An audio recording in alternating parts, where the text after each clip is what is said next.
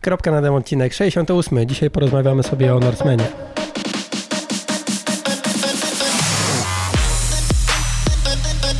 Cześć, jestem Marcin i właśnie słuchasz mojej audycji o triatlonie. Poznasz w niej fajne osoby, dowiesz się ciekawostek odnośnie treningu i sprzętu i co najważniejsze, posłuchasz o tym, jak pozostać normalnym człowiekiem. Bo choć sport to całe nasze życie, to jednak życie to nie tylko sport. sport. Witam panów. Witamy. Może Dzień pano, dobry. panowie coś opowiedzą o sobie, kim są, jak się nazywają i czym się zajmują w życiu. Masz mikrofon, to zaczynaj. Tak, ja jestem speakerem na zawodach Garmin Iron Triathlon. Y, No i zajmuję się trenowaniem ludzi od 99 roku. I masz na imię Marcin. I mam na imię Marcin. Ja taką zasadę przyjąłem. Właśnie wczoraj się zastanawiałem, że śmiałem się, że teraz do podcastu zapraszam tylko Marcinów i, i fajne, fajne zawodniczki. E, No i wczoraj się tak zastanawiałem. Musisz przyjąć rolę fajnej zawodniczki. E, I wczoraj mówię, kurczę, przecież z Emilem się spotykam, a, a zapomniałem, że tutaj jedziemy. Emily. No, o właśnie, Emil. E, tak, czyli Marcin Waniewski i e, druga osoba, El Capitano, który już w kropce Tak. był. Tak, mamy za sobą taki epizod. y, Emil Wydarty, taki skromny marynarzyk i publicysta. W cudzysłowie. marynarzyk i publicysta. Em, Chciałem pogadać o tym Norsemanie. Rok temu przeprowadziłem już taki wywiad, rozmowę z osobą, która mm, tego Norsemana ukończyła. Mm, Tutaj podejrzewam, że zupełnie inne podejście e, będzie do tych zawodów, bardziej profesjonalne bym powiedział. Mm, Bartek, z którym rozmawiałem rok temu, e, ukończył Norsemana na dole, że tak powiem. E, Białą koszulkę zdobył. Mm, Takie pytanie na dzień dobry. Czy w ogóle myślałeś o koszulce, jak się zapisywałeś na te zawody? Jaki był cel? Czy cel to był przygoda? Czy, bo wiem, jak podchodzisz do, do tego swojego życia sportowego, że z jednej strony mocno, e, mocno i dużo, tak? W sensie dużo trenujesz, ale z drugiej strony no, wybierasz takie starty, żeby sobie pozwiedzać trochę. Wiesz, jeszcze zanim w ogóle wpadł mi pomysł startu w Norsemanie do głowy, no to co roku można powiedzieć, że śledziłem te zawody, patrzyłem e, jak radzili sobie nasi, nasi rodacy, e, patrzyłem jak te zawody się rozwijały, bo to wiesz, no, są takie zawody, o których nawet nie myślisz jako, o, żeby tam wystartować.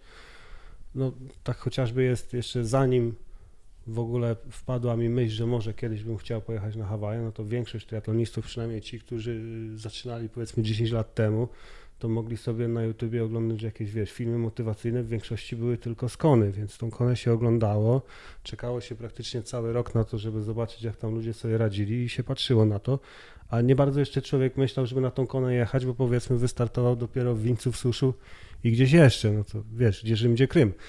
E, I podobnie było z Norsmanem, tak sobie oglądałem i tak patrząc, może nie tyle na czasy, co patrząc na to, kto startował, jak startował i próbując się gdzieś jakoś osadzić w tych realiach, co też nie jest takie, że tak powiem, e, zbyt może profesjonalne, to tak sobie myślałem, że szansa na, na, na czarną koszulkę jest. W momencie, kiedy przygotowywaliśmy się do startu, nie mogę powiedzieć, żebym tą koszulkę brał za pewniak, że, że jadę tam jak po swoje, ponieważ nigdy tak nie możesz powiedzieć. To są zbyt długie zawody, zbyt skomplikowane zawody i zbyt ekstremalne, żebyś mógł powiedzieć, że jedziesz po coś jak po swoje. I to pokazuje historia, że nawet ludzie, którzy walczą to o najwyższe laury, często tej koszulki mogą nie dostać. E, Dlatego na pewno nie było to tak, że stając e, na, na, na promie wiedziałem, że koszulka jest moja, wiedziałem tylko tyle, że będę musiał naprawdę dużo z siebie dać, żeby mieć szansę ją dostać, nie? A w momencie, kiedy już byłem na statku, to ostatnią rzeczą, o której myślałem, była koszulka, nie? O tej koszulce zacząłem myśleć dopiero chyba jak wybiegałem z drugiej strefy zmian, nie? To wtedy był taki moment, że się zaczęło, coś wymyślić, wymieniliśmy jakąś uwagę, że jak się nic... Szukałem mądrzejszego słowa, ale niech będzie. Jak mówi trener, że jak się nic nie zesra, to jak się nic nie zesra, to będzie. No i poszliśmy jak po swoje, nie? O właśnie, we dwójkę jechaliście, nie? Tylko Tak, Tak, zrobiliśmy sobie taki w cudzysłowie męski wypad. Męski wypad.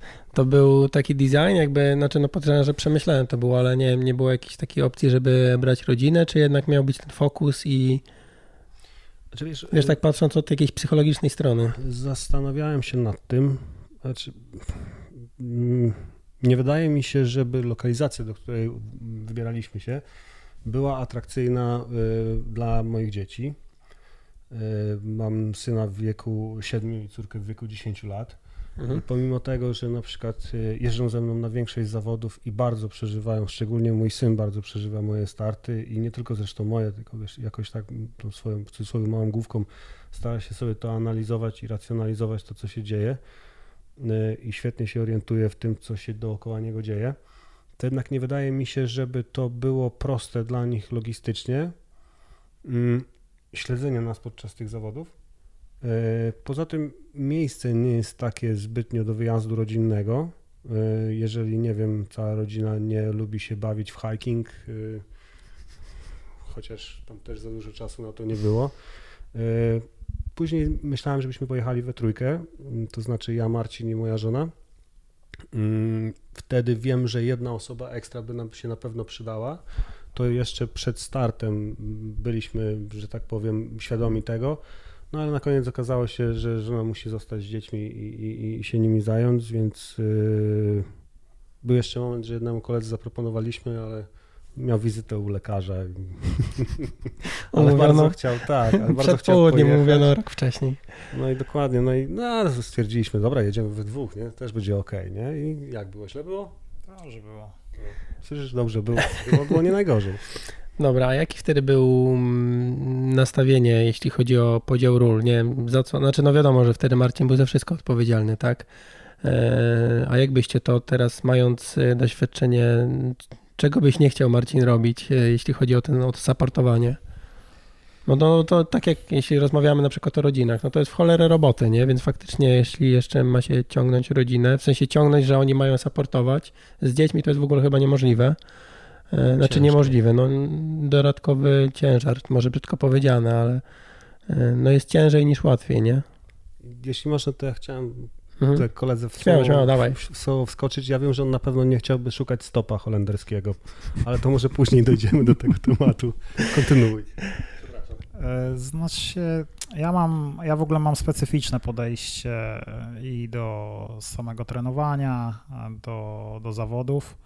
E, Ja akurat uważam, że na taki wyjazd mm, rodzina średnio, właśnie ze względu chodzi na to sfokusowanie i to nie chodziło wcale o wynik sportowy, tylko to jest wszystko coś, co wprowadza element przypadkowości, zmęczenia. Wiadomo, to jest, to jest po prostu życie, tak? Czyli Mhm. jedziesz z rodziną, rodzina chce coś zobaczyć. No sama nie pójdzie, pójdziesz z nią. No ty Mhm. powinieneś w tym czasie się skupić na innych rzeczach. E, Ja nie ukrywam, że u mnie z czasem jest naprawdę kiepsko i tutaj Emil mocno mnie odciążył. Bałem się tego wyjazdu ze względu na to, jak to będzie wyglądało przed wyjazdem, bo ja nie mogłem sobie pozwolić na, to było w środku sezonu, na to, że inni zawodnicy, e, no słuchajcie, robię sobie urlop na tydzień czasu, jadę, tylko akurat w ten sposób pracuję, że codziennie pracuję przy komputerze i zawodnicy, jak się ze mną umawiają, no to się tak umawiają na cały rok, a nie na jakieś tam wyjątki. Mhm. I tutaj Emil mocno mnie odciążył przed zawodami, czyli ja naprawdę mogłem pracować tam. Dla mnie było ważne, żeby tam był dostęp do internetu i tak dalej, natomiast zaplanowane było tak, że na, na weekend jakby jestem wyautowany, wiadomo, że jesteśmy na zawodach, byłem, w sumie dla mnie to, był, to były takie mini wczasy, no bo jednak e, nigdy nie byłem w Norwegii, piękne tereny, e, natomiast no tak czysto sportowo to, no to no ja wiedziałem, że Emil jest na to przygotowany, e, nawet na dużo lepszy wynik, natomiast e, Nie postarałeś się. E, Znaczy nie, no to jest. Nie, no e, wiadomo, to jest tak, Głupia że uwaga. mm, e, zawodnik, który nawet ma e, duże doświadczenie, bo Emil ma już dosyć duże doświadczenie, już trenuje. No ale my trenujemy 5 czy 6 lat, nie? Razem.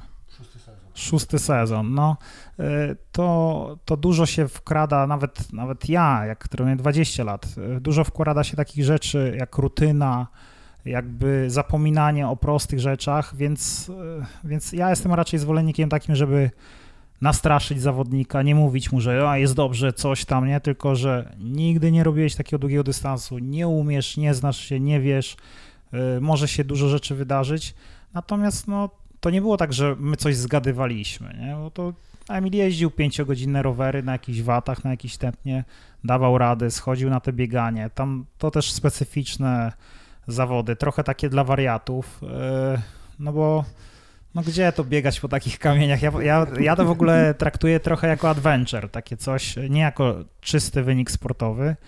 Natomiast no potem jak się, i to też ewoluuje, bo jak się jest tam w środku, no to też mi się spodobało, nie? Gdzie ja w ogóle takich rzeczy mówię, kurę, nogę skręcisz, niebezpiecznie, no, jedziesz. tak jak ludzie na roztrenowaniu mówią, nie, nie idź tam, nie wiem, grać w piłkę z kolegami, bo coś się stanie. Tak, ale, ale no, ja po prostu mam duży bagaż przez te lata wszystkie, które trenowałem, że jak się coś może stać, to się stanie, nie? Także bądź na to przygotowany. E, no i tutaj tu też było takie, na szczęście tam Emil nie zatracił takiego czegoś, że się słucha, nie? Bo też, też był taki początek wyścigu, że po prostu adrenalina i, i w ogóle tak, tak proste błędy, że jak jedzenie, no bo nie chce się, zimno jest, nie? I, i no po prostu zapominał jeść, nie, nie, nie chciało mu się, no, no wiesz, jest tam 7 czy 8 stopni, nie chce się, no to, a to jest jednak taka, wiesz, wojna kilkanaście godzin, to, to ważne jak zaczynasz, nie? Bo potem zapłacisz, no ale tam szybko się zreflektował i udało się szybko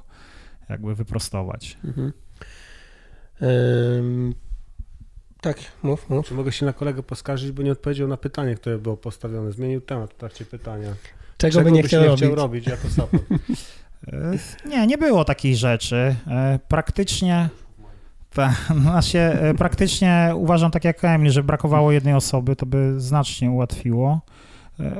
I sam dojazd, i na miejscu logistykę, i i same podawanie e, posiłków, przechwytywanie zawodnika, tam troszeczkę jest też ekwi ekwilibrystyki między mijaniem e, zawodników. E, natomiast w trakcie wyścigu miałem taką myśl, że a tam kurde, tam te ostatnie 10 km sobie tylko pobiegnę, to tam słabo, nie?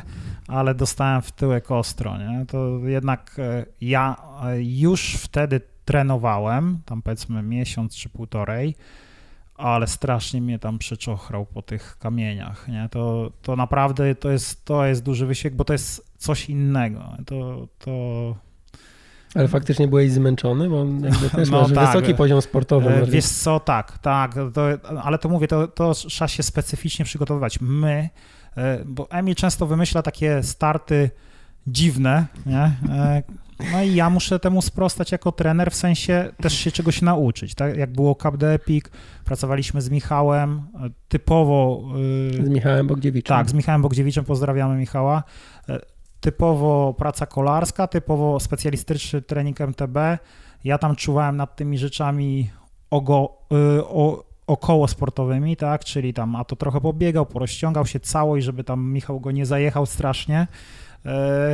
I na szczęście też fajna współpraca, jakby Michał dawał feedback, rozmawialiśmy, co jest dobrze, co jest źle, e, bo też ja nie byłem przyzwyczajony do takiego treningu, trochę się bałem, że tam po prostu wykończy Emila.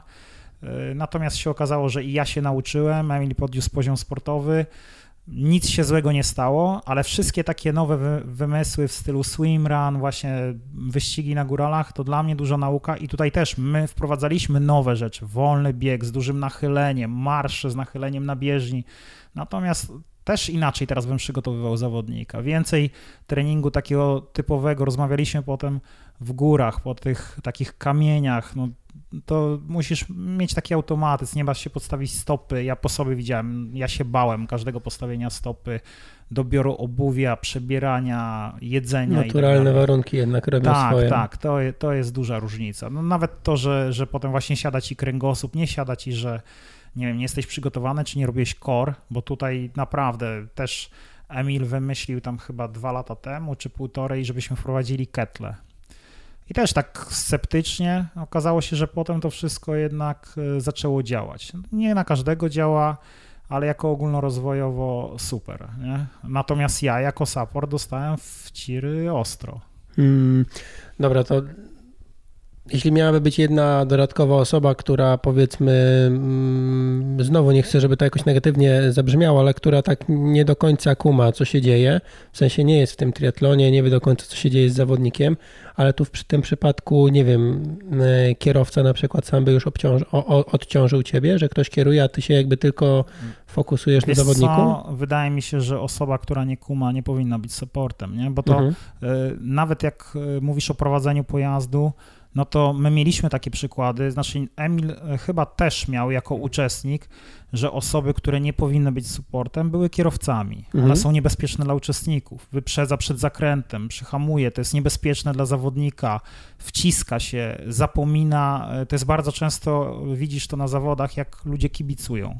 Oni kibicują swojemu zawodnikowi, na przykład tobie, zapominając o tym, co jest naokoło, i są niebezpieczni dla tych naokoło, tak? No bo on widzi mhm. tylko ciebie, wbiega na trasę, czasami się tak zdarza na trasie kolarskiej, y, przebiega w poprzek drogi, bo ty jesteś na drugim pasie, no to raczej takie osoby nie powinny być supportem. Mhm.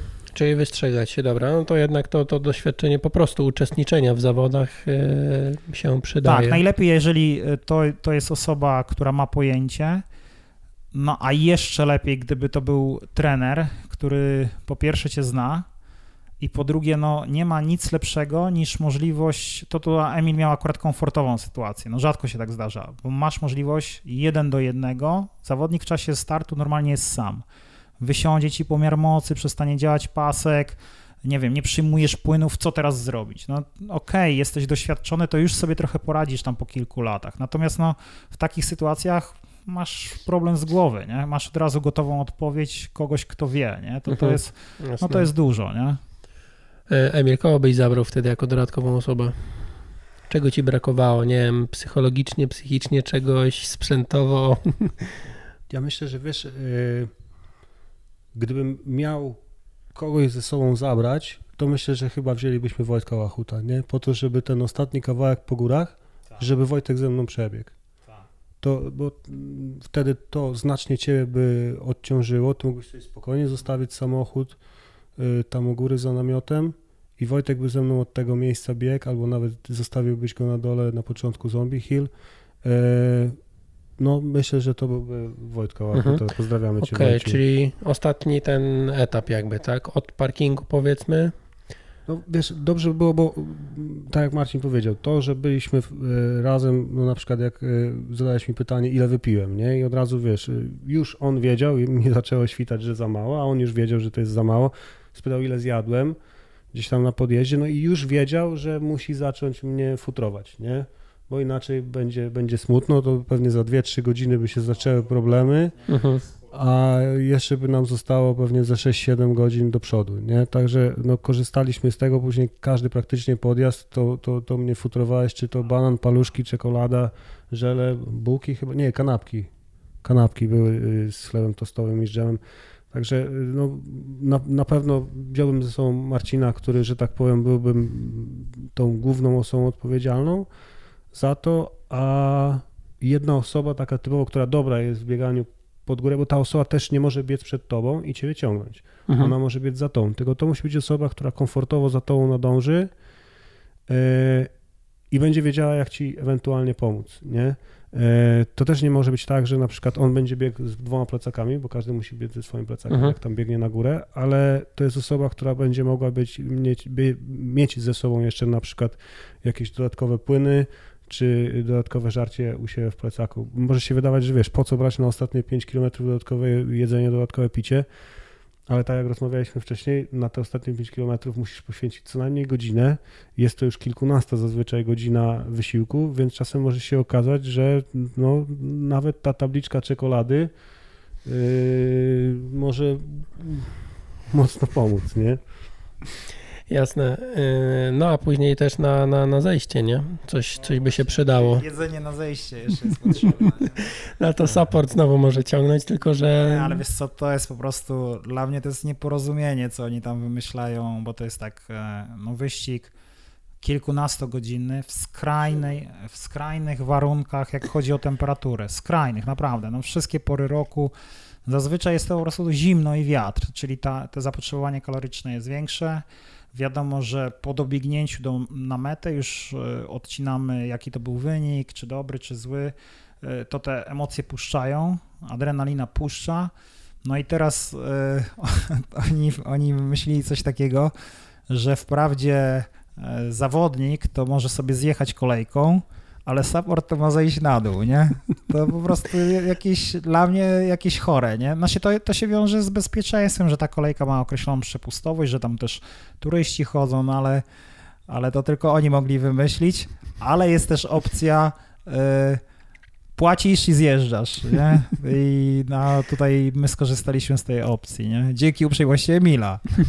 Ale to wiesz, to nie wystarczy zapłacić, bo tam jeszcze była y, jakaś poroniona kolejka na prawie 100 osób, dlatego to trzeba jeszcze, że tak powiem, y, na VIP pasa przejść, nie? Na boarding. Dobra, a zawodnicy też muszą czekać, tak już przechodząc właściwie trochę do końca samych zawodów. Zawodnicy Nie, chyba czekają, było, czy... Chyba było, że jak pokazywałeś numer startowy, to... Priority. Tak, to... Pas. Okej, okay, no to ty, tyle dobrze, no bo ja się generalnie, jak tam kiedyś sobie myślałem, generalnie tak jak mówisz, że, że wszyscy oglądali Konę, u mnie się zaczęło, y, jeśli chodzi o jakąś tam fascynację długim dystansem, to od Norsemana. Nigdy nie startowałem na długim, od, odwlekam to jak, naj, jak najdalej mogę. Mm, ale te filmiki z Norsemana oglądałem i tak się zastanawiam, bo zacząłem się bać wreszcie. Wiem, że to jest surowe, że tam nie ma jakiegoś e, kebaba na koniec, na mecie. I zaczynam się bać, jak to jest, bo jedna rzecz to jest zmęczenie po. No ale to dobra oznaka. To właśnie strach, strach jest y, najlepszym, co możecie, to najmądrzejsze. Mhm. Jak we wszystkim sporcie, jak ci mówią, bo to wyostrza ci twoje zmysły, mhm. hamuje tą łańską fantazję i zmusza do takiego analitycznego myślenia, nie? Więc to jest super rzecz, bo zaczynasz planować, myśleć, co poprawić i tak dalej, także mhm. ja strach zawsze polecam. Nie? No nie zdajesz się na rutynę, tylko właśnie myślisz nie? Nad, nad wszystkim, co może nie pójść. Przygotowania. Mówiłeś o jakichś marszach pod górę i tak dalej. Co było specyficznego? Nie wiem, jakieś przygotowanie siłowe, więcej siłowni, czy... No wiesz co, to generalnie to, tu się skupialiśmy na, e, znaczy tak, pierwsze to kilka razy tam wprowadzaliśmy, ale dosłownie kilka, pływanie w zimnej wodzie, no to wiadomo jak to tam wygląda. Chociaż i tak to wszyscy mówią, że wyjątkowe szczęście mieliśmy do pogody, nie? Wszyscy, mhm. którzy naprawdę. W tym nie? roku słyszałem. W tym roku, tak, tak, tak. No, także, no ale woda masakrycznie zimna, nie? Ja tam znaczy, wszedłem 12 sobie, stopni, coś takiego. Wszedłem, było troszkę cieplej, ale no wszedłem popływać, yy, no to naprawdę, to, to jest zimna woda. I to są też specyficzne rzeczy. Na przykład część ludzi y, nie wie, jak się zachowa ich organizm w zimnej wodzie, i tu nie chodzi, że nie wie, że będzie krzywo płynąć, ale na przykład palce im się rozchodzą w mhm. sensie mhm. dłoni albo mają jakieś y, takie hiperwentylację oddechową, także to, to są ważne, ważne rzeczy. O rower powiem szczerze, że się nie bałem, dlatego że po pierwsze rower Emil ma najmocniejszy z tych trzech dyscyplin, E, bałem się. E, po drugie, e, dobrze jeździ technicznie. On na przykład jeździ no dużo, jest... dużo lepiej ode mnie technicznie. To się też wiąże z tym, że on się nie boi. Ja tam przez swoje przejścia, jakie miałem, jakieś tam wypadki rowerowe, boję się na przykład zjeżdżać. Dla mnie takie zjeżdżanie w stylu na kwiatka, siadanie na ramię, głową w dół, jest kurde kamikadze, nie?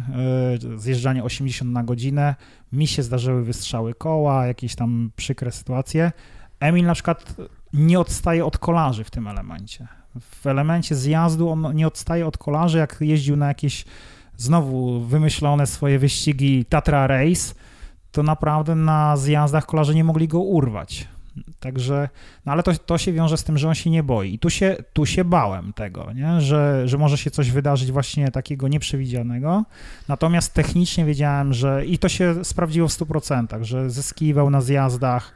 E, fakt, że fajnie, że miał rower z hamulcami tarczowymi, to też e, jednak fajna rzecz. E, Szczególnie przy pogodach różnorakich. Tak, tak. Nie? Także to, to też jako, takie, jako takie, taka podpowiedź do kogoś, kto by startował w przyszłości. Tam mieliśmy taką dyskusję w stylu, czy czasówka, czy rower szosowy. Dalej będę bronił tego, że na tym etapie rower szosowy spokojnie wystarcza. Spokojnie, dlatego że tam oczywiście czołówka jedzie na, na czasówkach, ale zawodnik na przykład piąty jechał na szosie. To, to tak można wiele zyskać na tych elementach, a, a no, no wyobraź sobie te zjazdy na czasówce, tak? Takie mocno ryzykowne. Ja, ja, na przykład nie, ja na przykład nie czułbym się komfortowo. Też nie żałuję tego wyboru czasówki. Owszem, było kilka momentów, e, kiedy ona mogła się przydać, ale myślę, że gdybyśmy mieli to poprawiać w przyszłym roku. Inna sprawa jest taka, że u mnie na czasówce e, pozycja była na tyle agresywna, że wysiedzenie więcej niż 2,5 godzin było niemożliwością, więc e, samo to powodowało, że ta szosa była naturalnym wyborem, więc myślę, że znowu byśmy poszli w tym kierunku. Okej, okay, a szosa bardziej Oreo, czy szosa bardziej lekka? Wiesz co, my tak, my mieliśmy dobrej klasy rower pożyczony e, od Wojtka. Pozdrawiamy Wojtka Suchowieckiego. E, natomiast ja też tłumaczyłem Emilowi tak, to, to on nie robi tych zawodów na 9 godzin. E, I jak mieliśmy taką dyskusję właśnie, że on tam mówi, a, że na filmach widział, że na czasówkach coś tam, ja mówię, Emil, no kurde, to tak jak trochę z fittingiem, nie? że na, na fittingu wiem, że był u ciebie Łukasz, też rozmawialiście, że bardzo ważna jest wygoda. Nie? I mówię, no i dobra, przyjmujemy wariant, idziesz agresywnie, idziesz na czasówce. Już pomijam to, co Emil mówi, że ma tak mocną pozycję, że 2,5 godziny i prostowanie, strata wszystkiego, całego tego zysku, ale, ale przyjmujemy zawsze najgorszy wariant, czyli miałeś rację, zyskałeś 10 minut, nie? No i potem, kurde, idziesz w swój marszobieg albo będziesz siedział na kamieniu 20 minut i płakał, że nie masz siły, a ja ci przypomnę, że na czasówce jechałeś, nie? Więc mówię, komfort, wygoda, łatwość dosięgnięcia do hamulców, łatwość z jedzeniem i jakby zejście na bieg z jak najmniejszymi e, stratami mięśniowymi, czyli nieponaciągane to wszystko, plecy, nieprzewiany, no, no mówię, no dostęp do hamulców, to, to mówię, co to, co to za zysk, nie? Potem jeden kilometr, który idziesz, a nie biegniesz, to jest cały twój zysk, nie? A, a my tych kilometrów, nie wiem, szliśmy 15 czy 16, także to nie, nie tu trzeba szukać, nie? Okej, okay, ale z dostawką, z lemontką, czy... Tak, mieliśmy i właśnie w tych, w tych momentach e, Emil się kładł na przystawkę i, i też było ok, i, ale już było chyba po czterech godzinach e, roweru, że właśnie zaczęły się pierwsze skurcze, nie? I teraz, no, no wiesz, no też wygodniej się rozprostować na szosie, zmienisz na górny chwyt, e, gdzie, gdzie pilnował tego jedzenia, nie? No ale to wiesz, tu wiatr, tu trochę, trochę inaczej wyglądają te zawody. No tak, tak. Nie no, faktycznie nawet y, te klamki, że można łatwiej złapać, gdy ręce są gdzieś tam przemarznięte, chociaż tu pewnie no jeszcze rękawiczki wchodzą w grę to, to, to nie musi tak wyglądać. Dobra, jeśli chodzi o technikę, yy, tak jak poruszyłeś temat techniki zjazdu, yy, Emil, czy nie miałeś jakieś takie momenty, kiedy yy, przeliczyłeś się z przyczepnością, w sensie, że nie wiem, widzisz, że jest ładny zjazd, a nagle jest mokro albo coś, czy, czy raczej przewidywalna jest ta trasa w sensie takim, że wiesz, co ciebie czeka za chwilę? Y, jak jest mokro, to wiesz, że jest mokro i trzeba uważać. Jak jest sucho, to nie ma nagle, że jest mostek i lód jest na tym mostku. Pierwsza część trasy to jest praktycznie tylko i wyłącznie podjazd. Yy, I tam jedyne co, jedyne, co mm, sobie myślisz, to czemu jestem tak ciężki i, i czemu nie generuję tyle watów, ile chciałbym. Później jedziesz praktycznie przy płaskowyżu, gdzie na, na płaskowyżu, gdzie się zastanawiasz, dlaczego jesteś tak lekki i tak łatwo cię rzuca na lewo i prawo i się zastanawiasz, czy dobre, dobrze koła wybrałeś. Właśnie, bo tam wieje, tak? To jest ten tak, fragment. Tam, tam, tam bardzo mocno. I tam mhm. jest zimno, 6-7 stopni było teraz, gdzie wszyscy mówią, że była najlepsza pogoda. Mhm. 6-7, jesteś rozgrzany podjazdem, no i tam u góry to jest dramat, nie? Śnieg, y, pizga strasznie. Także no generalnie i musisz właśnie dobrze się nawadniać, dobrze jeść, w dobrym zdrowiu przejechać ten płaskowyż, bo potem jest zjazd. Mhm. I za płaskowyżem zaczyna się seria y, podjazd, zjazd, podjazd, zjazd, podjazd i zjazd do mety. I jak już ten ostatni podjazd y, pokonałem, to są, nie, one nie są długie, tam raptem do 5 km, ale ten, po tym ostatnim podjeździe jest y, dość długi zjazd. Na początku jest kilka serpentyn, później troszkę gorsza nawierzchnia. I później takie fajne, naprawdę długie zjazdy, gdzie można naprawdę, wiesz, jak odpowiednio usiądziesz, można się naprawdę e, rozhuśtać i fajnie szybko jechać i to wtedy to później strasznie pliki zakrzywia, bo generowana moc 0, prędkość powiedzmy tam 90 parę, tylko y, wtedy zaczął się problem burz, y, bo dość mocno zaczęło padać i wiesz, i, i wtedy praktycznie dogoniłem e, dziewczyny, które startowały te zawodowe, e, zawo, zawo, zawo, profesjonalistki.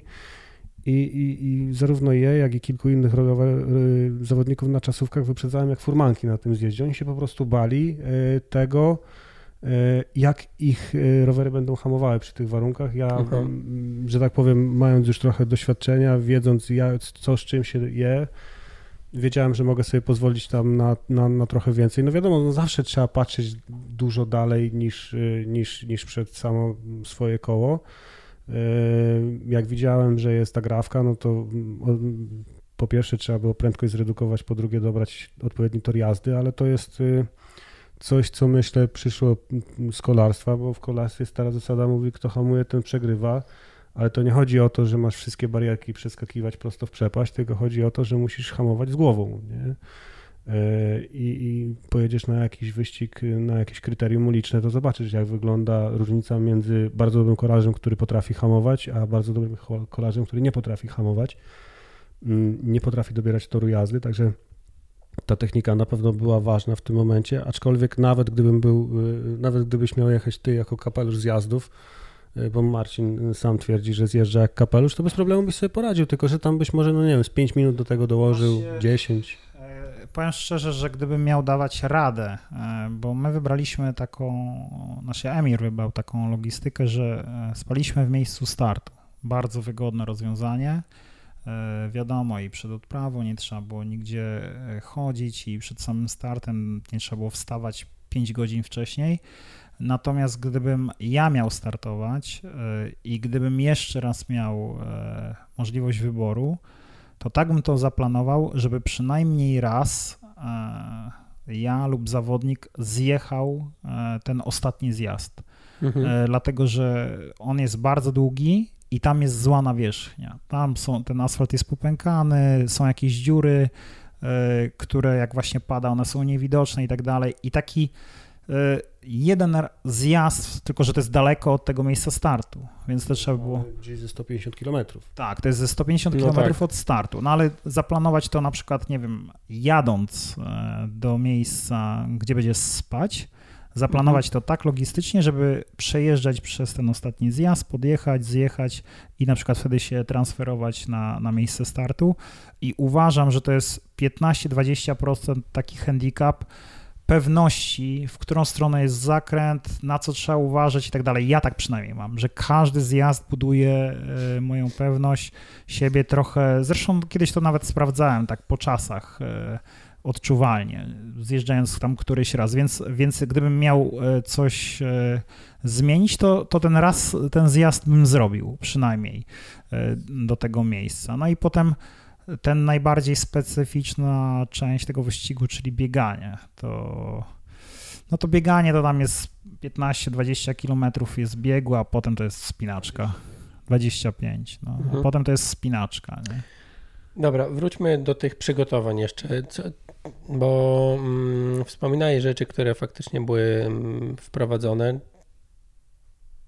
Czyli najlepiej będzie, nie było żadnych, nie wiem, obozów górskich, że nie chociażby w polskie góry, że mm, pojeździć. No się tak, ale wiesz co, y, Emil też, y, on ma, z, z, nim się ciężko pracuje, nie? On ciągle coś wymyśla i generalnie było tak... Musi być materiał na, na, ten, na bloga.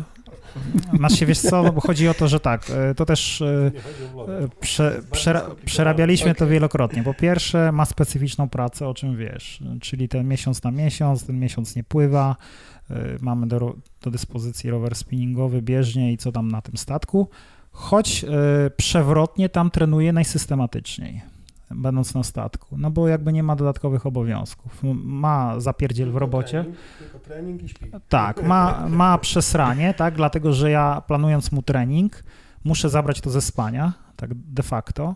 E, a trenując do długiego dystansu, tam kilka razy mi tam powiedział e, coś miłego, w sensie jak miał na przykład pięciogodzinny trening, czy tam, że musiał stać o czwartej rano, żeby go zrobić.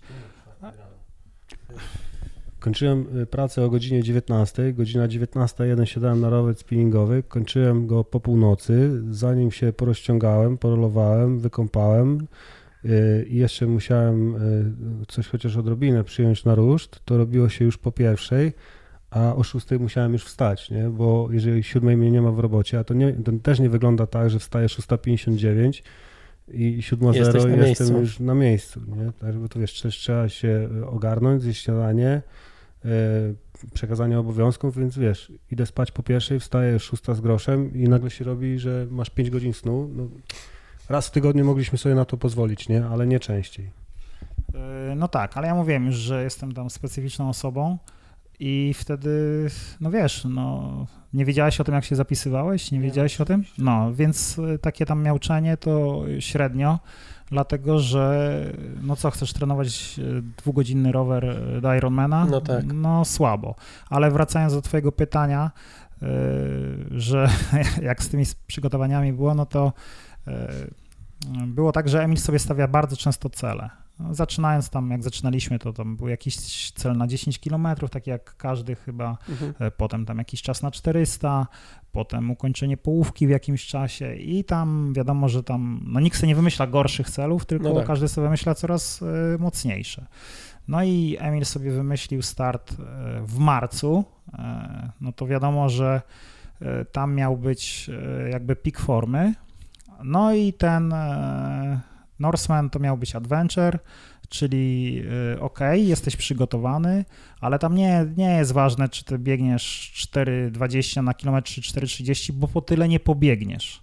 Bo jak pobiegniesz po 5, to składaj ręce do modlitwy i dziękuj, że po tyle pobiegłeś. My mieliśmy też takie, takie ja się śmiałem, jak mnie sobie wyliczał czasy, nie? Mówię, no to sobie wylicz, tak, tak, nie? Bo tutaj pierwsze 20 po 5, tu zapas, ja mówię, tak, no już wszystko wyliczyłeś, ok, nie?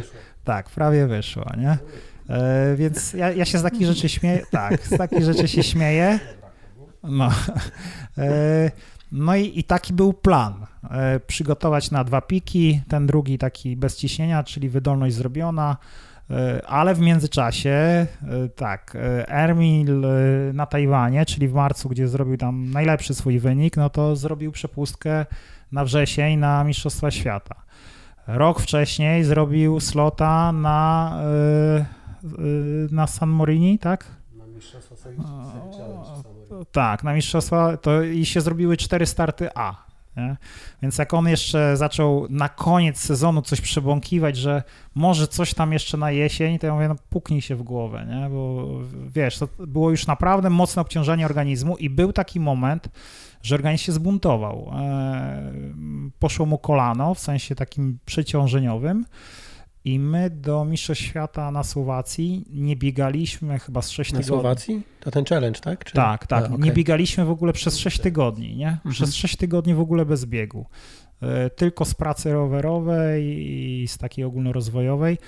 No i, i też był taki plan, dobra, e, to jedziemy tam mocny rower, no bo na zasadzie na rowerze wiadomo, a na biegu zobaczymy, nie? Mhm. I tam, i mu się udało. Znowu powtórzył bardzo dobry wynik, tam 4,30 czy... 4,35, bardzo dobry wynik.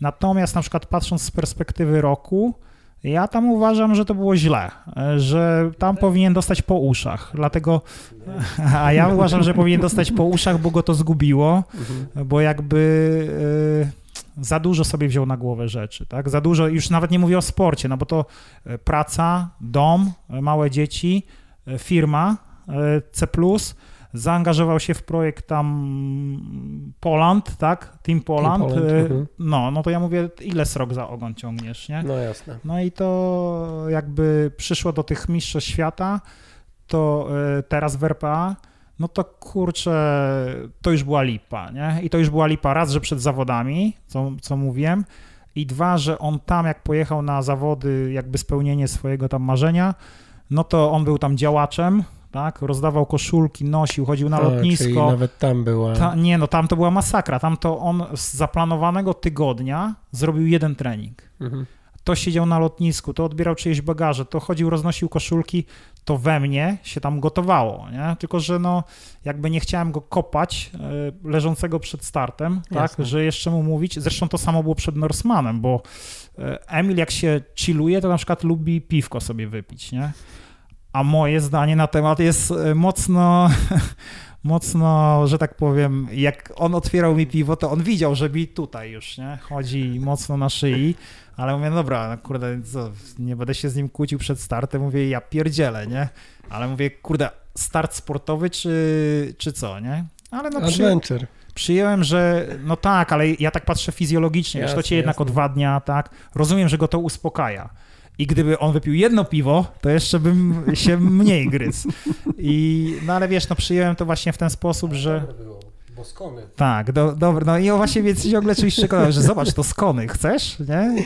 E, no ale, no przypadek... E, ale wiesz, no musisz się ugryźć trochę też, ja też trochę te zęby tracę z wiekiem, że mówię, no dobra, no niech ma już tam ten spokój w głowie, nie, że ja jeszcze mu będę dokładał, chociaż on wiedział, że ja się gotowałem, nie, tak samo się gotowałem już po zawodach, nie, bo on mówi, że no to jak już dostanę czarną koszulkę, to, to, to sobie właśnie tam pozwolę, nie, że się wyluzuje.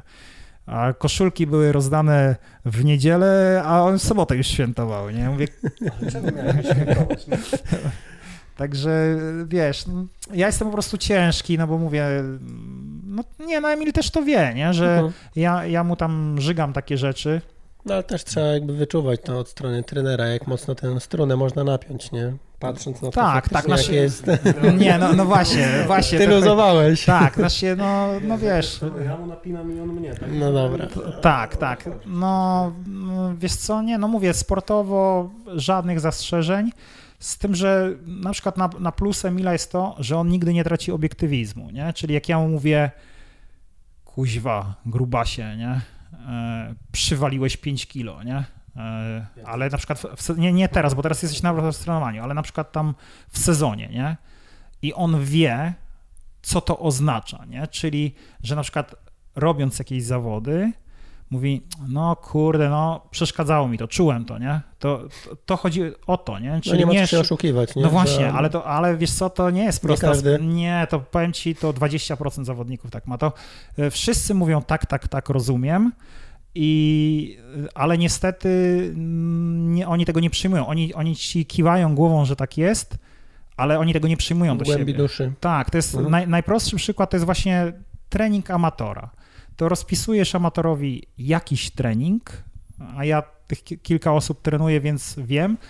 I największy problem jest z regeneracją, jak u wszystkich. To miałeś Skorka u siebie, on ci też o tym mówił, nie? że hmm? z Warszawy, trenera, z Korykowa. Aha, no, no. E, tak, no, w ogóle jeden z najlepszych trenerów, e, taka stara szkoła, uwielbiam tego gościa.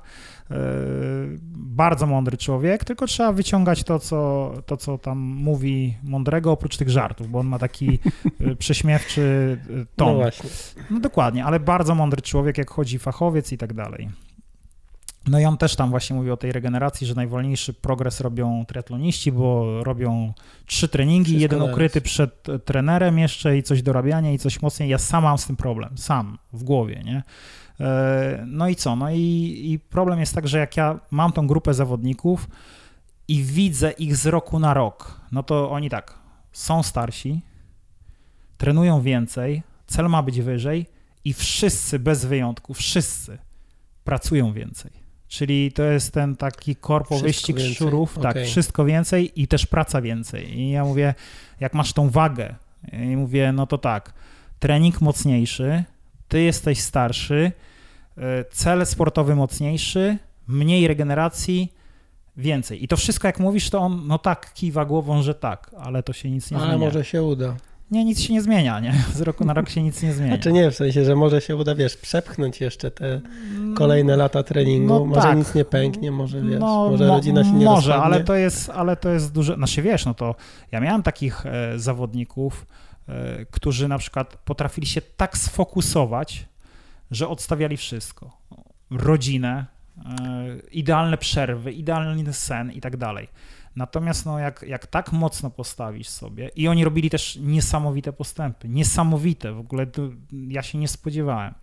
No ale wytrzymywali rok albo dwa, no Mhm. bo to zabrałeś wszystkie jakby... No, napinanie struny, tak? Tak, jakby. zabierałeś wszystkie rzeczy, to był tylko cel, tak? Zabierałeś wszystkie rzeczy pozytywne, to było tylko wymaganie, tak?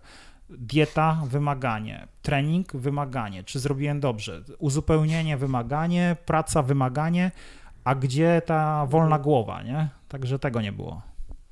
W kwestii przygotowań, e, jeździłeś wreszcie trochę po górach, tak?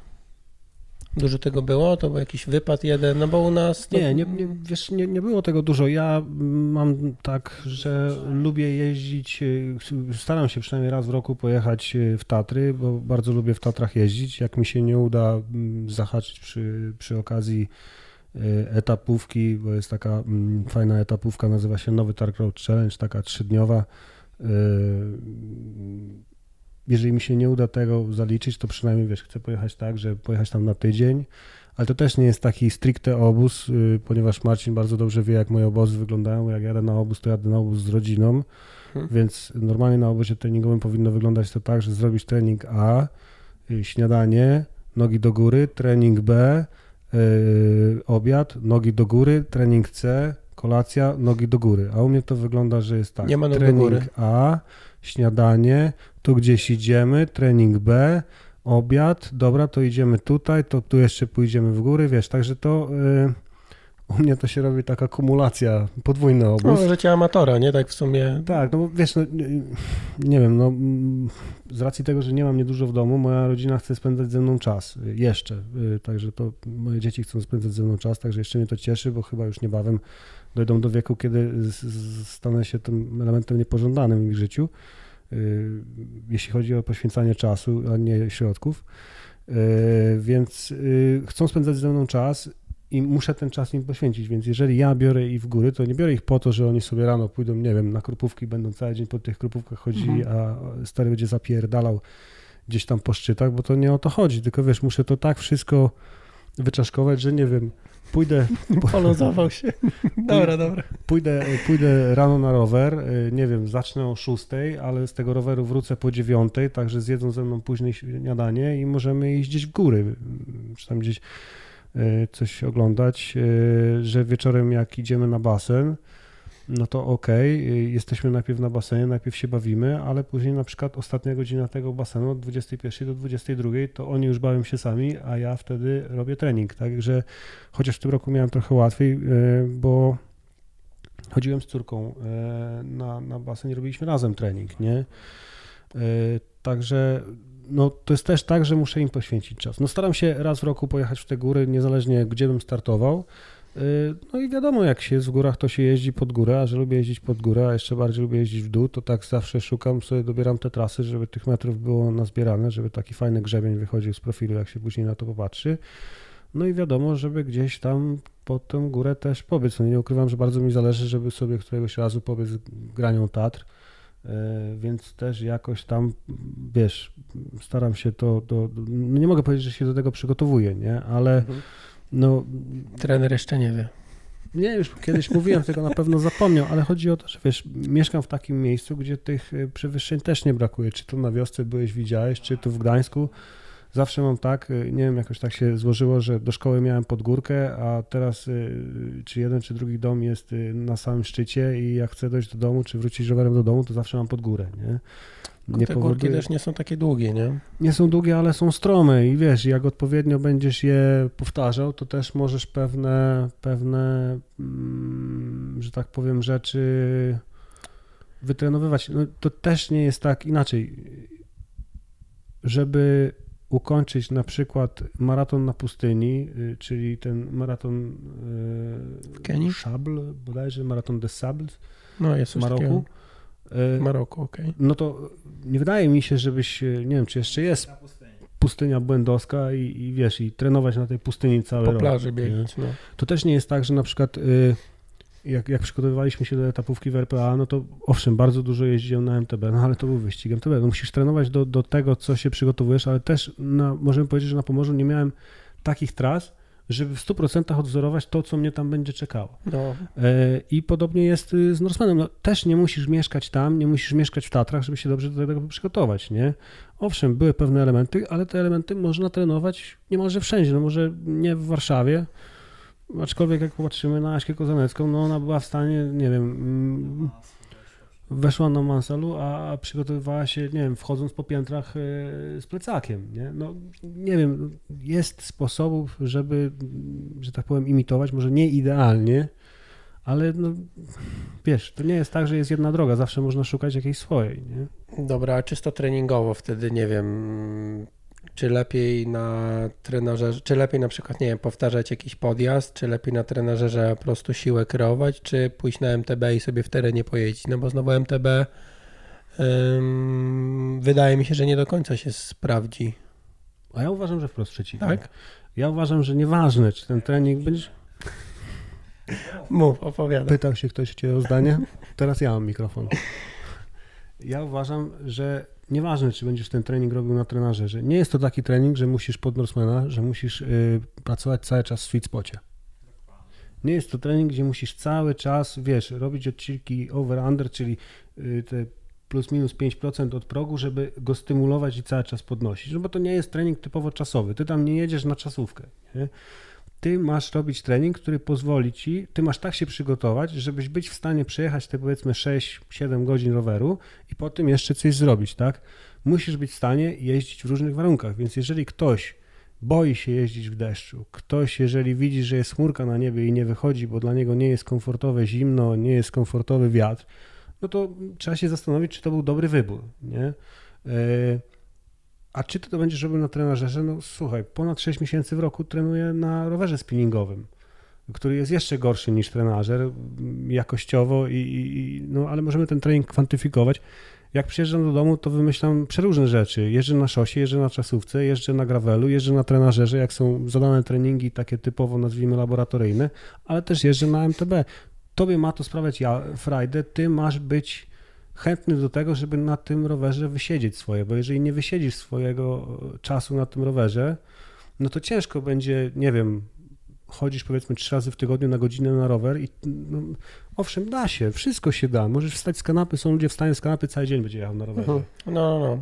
No tylko też mówisz o takim podejściu, jakby co zrobić, żeby mm, po prostu móc trenować więcej, czyli żeby zmieniać jakby konteksty, że tu MTB, tu gravel, tu, tu szosa. Znaczy, to pomaga moim zdaniem, gdzieś tam resetuje pomaga, głowę, ale nie? jeżeli ktoś ma tylko rower szosowy, nie, no nie wiem, Może trenerze lub ten, wyjść na dwór. No ale to już ma wybór, nie?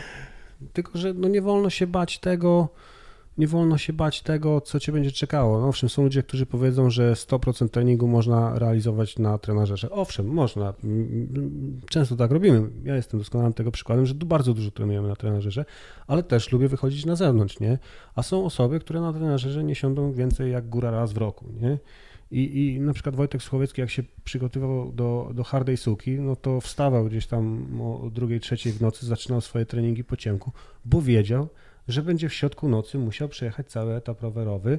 Y, Nie zaskoczyła go, ta, no na pewno go trochę zaskoczyła, ale nie aż w takim stopniu jak innych, y, zimowe warunki y, w Tatrach, bo trenował w każdym możliwym warunku, jeździł w środku zimy na rowerze, nieważne na jakim, czy to będzie fatbike, czy to będzie rower przełajowy, Mhm. ty masz się czuć w miarę komfortowo na tym, nie? Musisz być przygotowany na to, co cię stać. A jeżeli Wanieski kolega uważa, że MTB nie, to proszę powiedzieć dlaczego. E, Nie, nie. To nie ma takiej, nie ma takiej prostej odpowiedzi. E, Czy trening MTB jest skuteczny? Tak. E, Jest treningiem siłowym, jest treningiem dobrym i tak dalej. Natomiast ja patrzę zawsze z punktu widzenia trenera. Czyli dla mnie trening na trenażerze, mimo że jest nudniejszy, źle coś tam, jest efektywniejszy. Efektywniejszy to znaczy, ja mam chomika w laboratorium, Mhm. gdzie na zadane 100% treningu, jak jest trening słabo zrealizowany, to jest 90%, bo tam a to kadencji nie przypilnował, a to watów, a tak dalej. E, Na MTB przez same warunki, e, jakie są, czyli nawierzchnia, pogoda, mm, przypadkowość, coś tam się zwaliło i tak dalej, ta przypadkowość wprowadza, że ta realizacja, mm, nie wiem, czy widziałeś kiedyś wykres mocy z treningu MTB. Nie. no to, to możesz, to, no to generalnie on jest do śmieci, tak? Znaczy, no tam nie wiadomo, co się działo tak do końca. No się patrzysz, ja patrząc na taki wykres mocy, generalnie nie patrzę na te jego waty, tylko patrzę na odpowiedź tętna, czyli czy to było mocno, czy to było lekko, czy długo się utrzymywało na wysokim tętnie, czy były momenty, że te tętno spadało, czy był, odpoczyn- e, czy był odpoczynek. I e, dlaczego się tutaj nie zgadzam? To e, Emil, czy jakikolwiek zawodnik pisząc mi właśnie te uwagi, on mi pisze, że chce se pojeździć na gravelu, chce se pojeździć na MTB i nie zdarza się zazwyczaj, żebym ja powiedział nie bo, Mhm. tylko staram się plan dopasować do tego, żeby to mu sprawiało przyjemność i żeby sobie na to poszedł. Chyba, że uważam, że to jest głupie. Tak, tak na przykład jak teraz przed nagraniem rozmawialiśmy, Emil chce sobie tam wyjść na dwór, a ja mówię, że uważam, że powinien zrobić na trenażerze, ale nie dlatego, że ja tak uważam, bo jestem mądrzejszy, tylko jest po zabiegu, jest ryzyko infekcji i żeby nie kusić losu. I tutaj wracając do pytania, czyli z tym MTB, tu chodzi o tą przypadkowość, tak? Tu nie chodzi, że e, Wojtek Suchowiecki robi coś źle wstając o drugiej czy trzeciej w nocy, trenując do hartej suki, tylko ja uważam, ile możesz zyskać, ile stracić. Wstając o drugiej czy trzeciej w nocy możecie potrącić samochód, jest niebezpiecznie, jest dużo elementów przypadkowych, tak? Jest ciemno, o to mi chodzi. To nie chodzi o to wcale, że to jest zły trening. Dla mnie jest wygodniejszy do analizy, dlatego e, wiadomo, że ja wolę to tak obejrzeć, sam jeżdżąc gdzieś na obóz. Przecież nie jeżdżę na trenerze, że fajnie jest jechać w ciepłym, super. Bardzo często treningi są oczywiście zepsute, przypalone i tak dalej. Natomiast no, mi chodzi o element przypadkowości. Element przypadkowości, że coś źle zrobisz na bieżni, na trenażerze jest mały, Mhm. a element przypadkowości, że biegnąc pod kasprowy skręcisz nogę, pośliźniesz się, e, wyskoczy ci pies w czasie e, jazdy jest większy. To nie jest, że ja jestem zwolennikiem szkoły Michała Podsiadłowskiego, bo wolę jeździć na dworze, jest przyjemniej, inaczej te godziny lecą, łatwiej jest generować waty. Mhm. Natomiast jeżeli chodzi o ilość cukru w cukrze, no to jest jak jest. Nie? No, no wiadomo, laboratorium versus warunki otwarte. Dokładnie. Ale jeśli chodzi o taką jazdę nocną, no ja, ja też tam te ze dwie noce sobie przejeździłem i jakby no brałem pod uwagę, byłem świadomy, że, mm, że samochody i tak dalej, natomiast no to nie chodziło w ogóle o, o to, żeby się tam zmęczyć czy nie, tylko o to, żeby się zaprzyjaźnić z jazdą nocą, bo też tam do ultra się przygotowywałem na rowerze i wiedziałem, że będzie start rano, a meta gdzieś No tam tak, ale, ale, dnia. ale wiedziałeś po co to jest, tak? Mhm. Czyli lekki rower, tak? Nie tak, tam, tak, tak. Nie, bo chodziło nie... o aspekt treningowy, tylko No, o no, to, no to właśnie o tym rozmawiamy. No to Mhm. jak Emil wchodził do zimnej wody,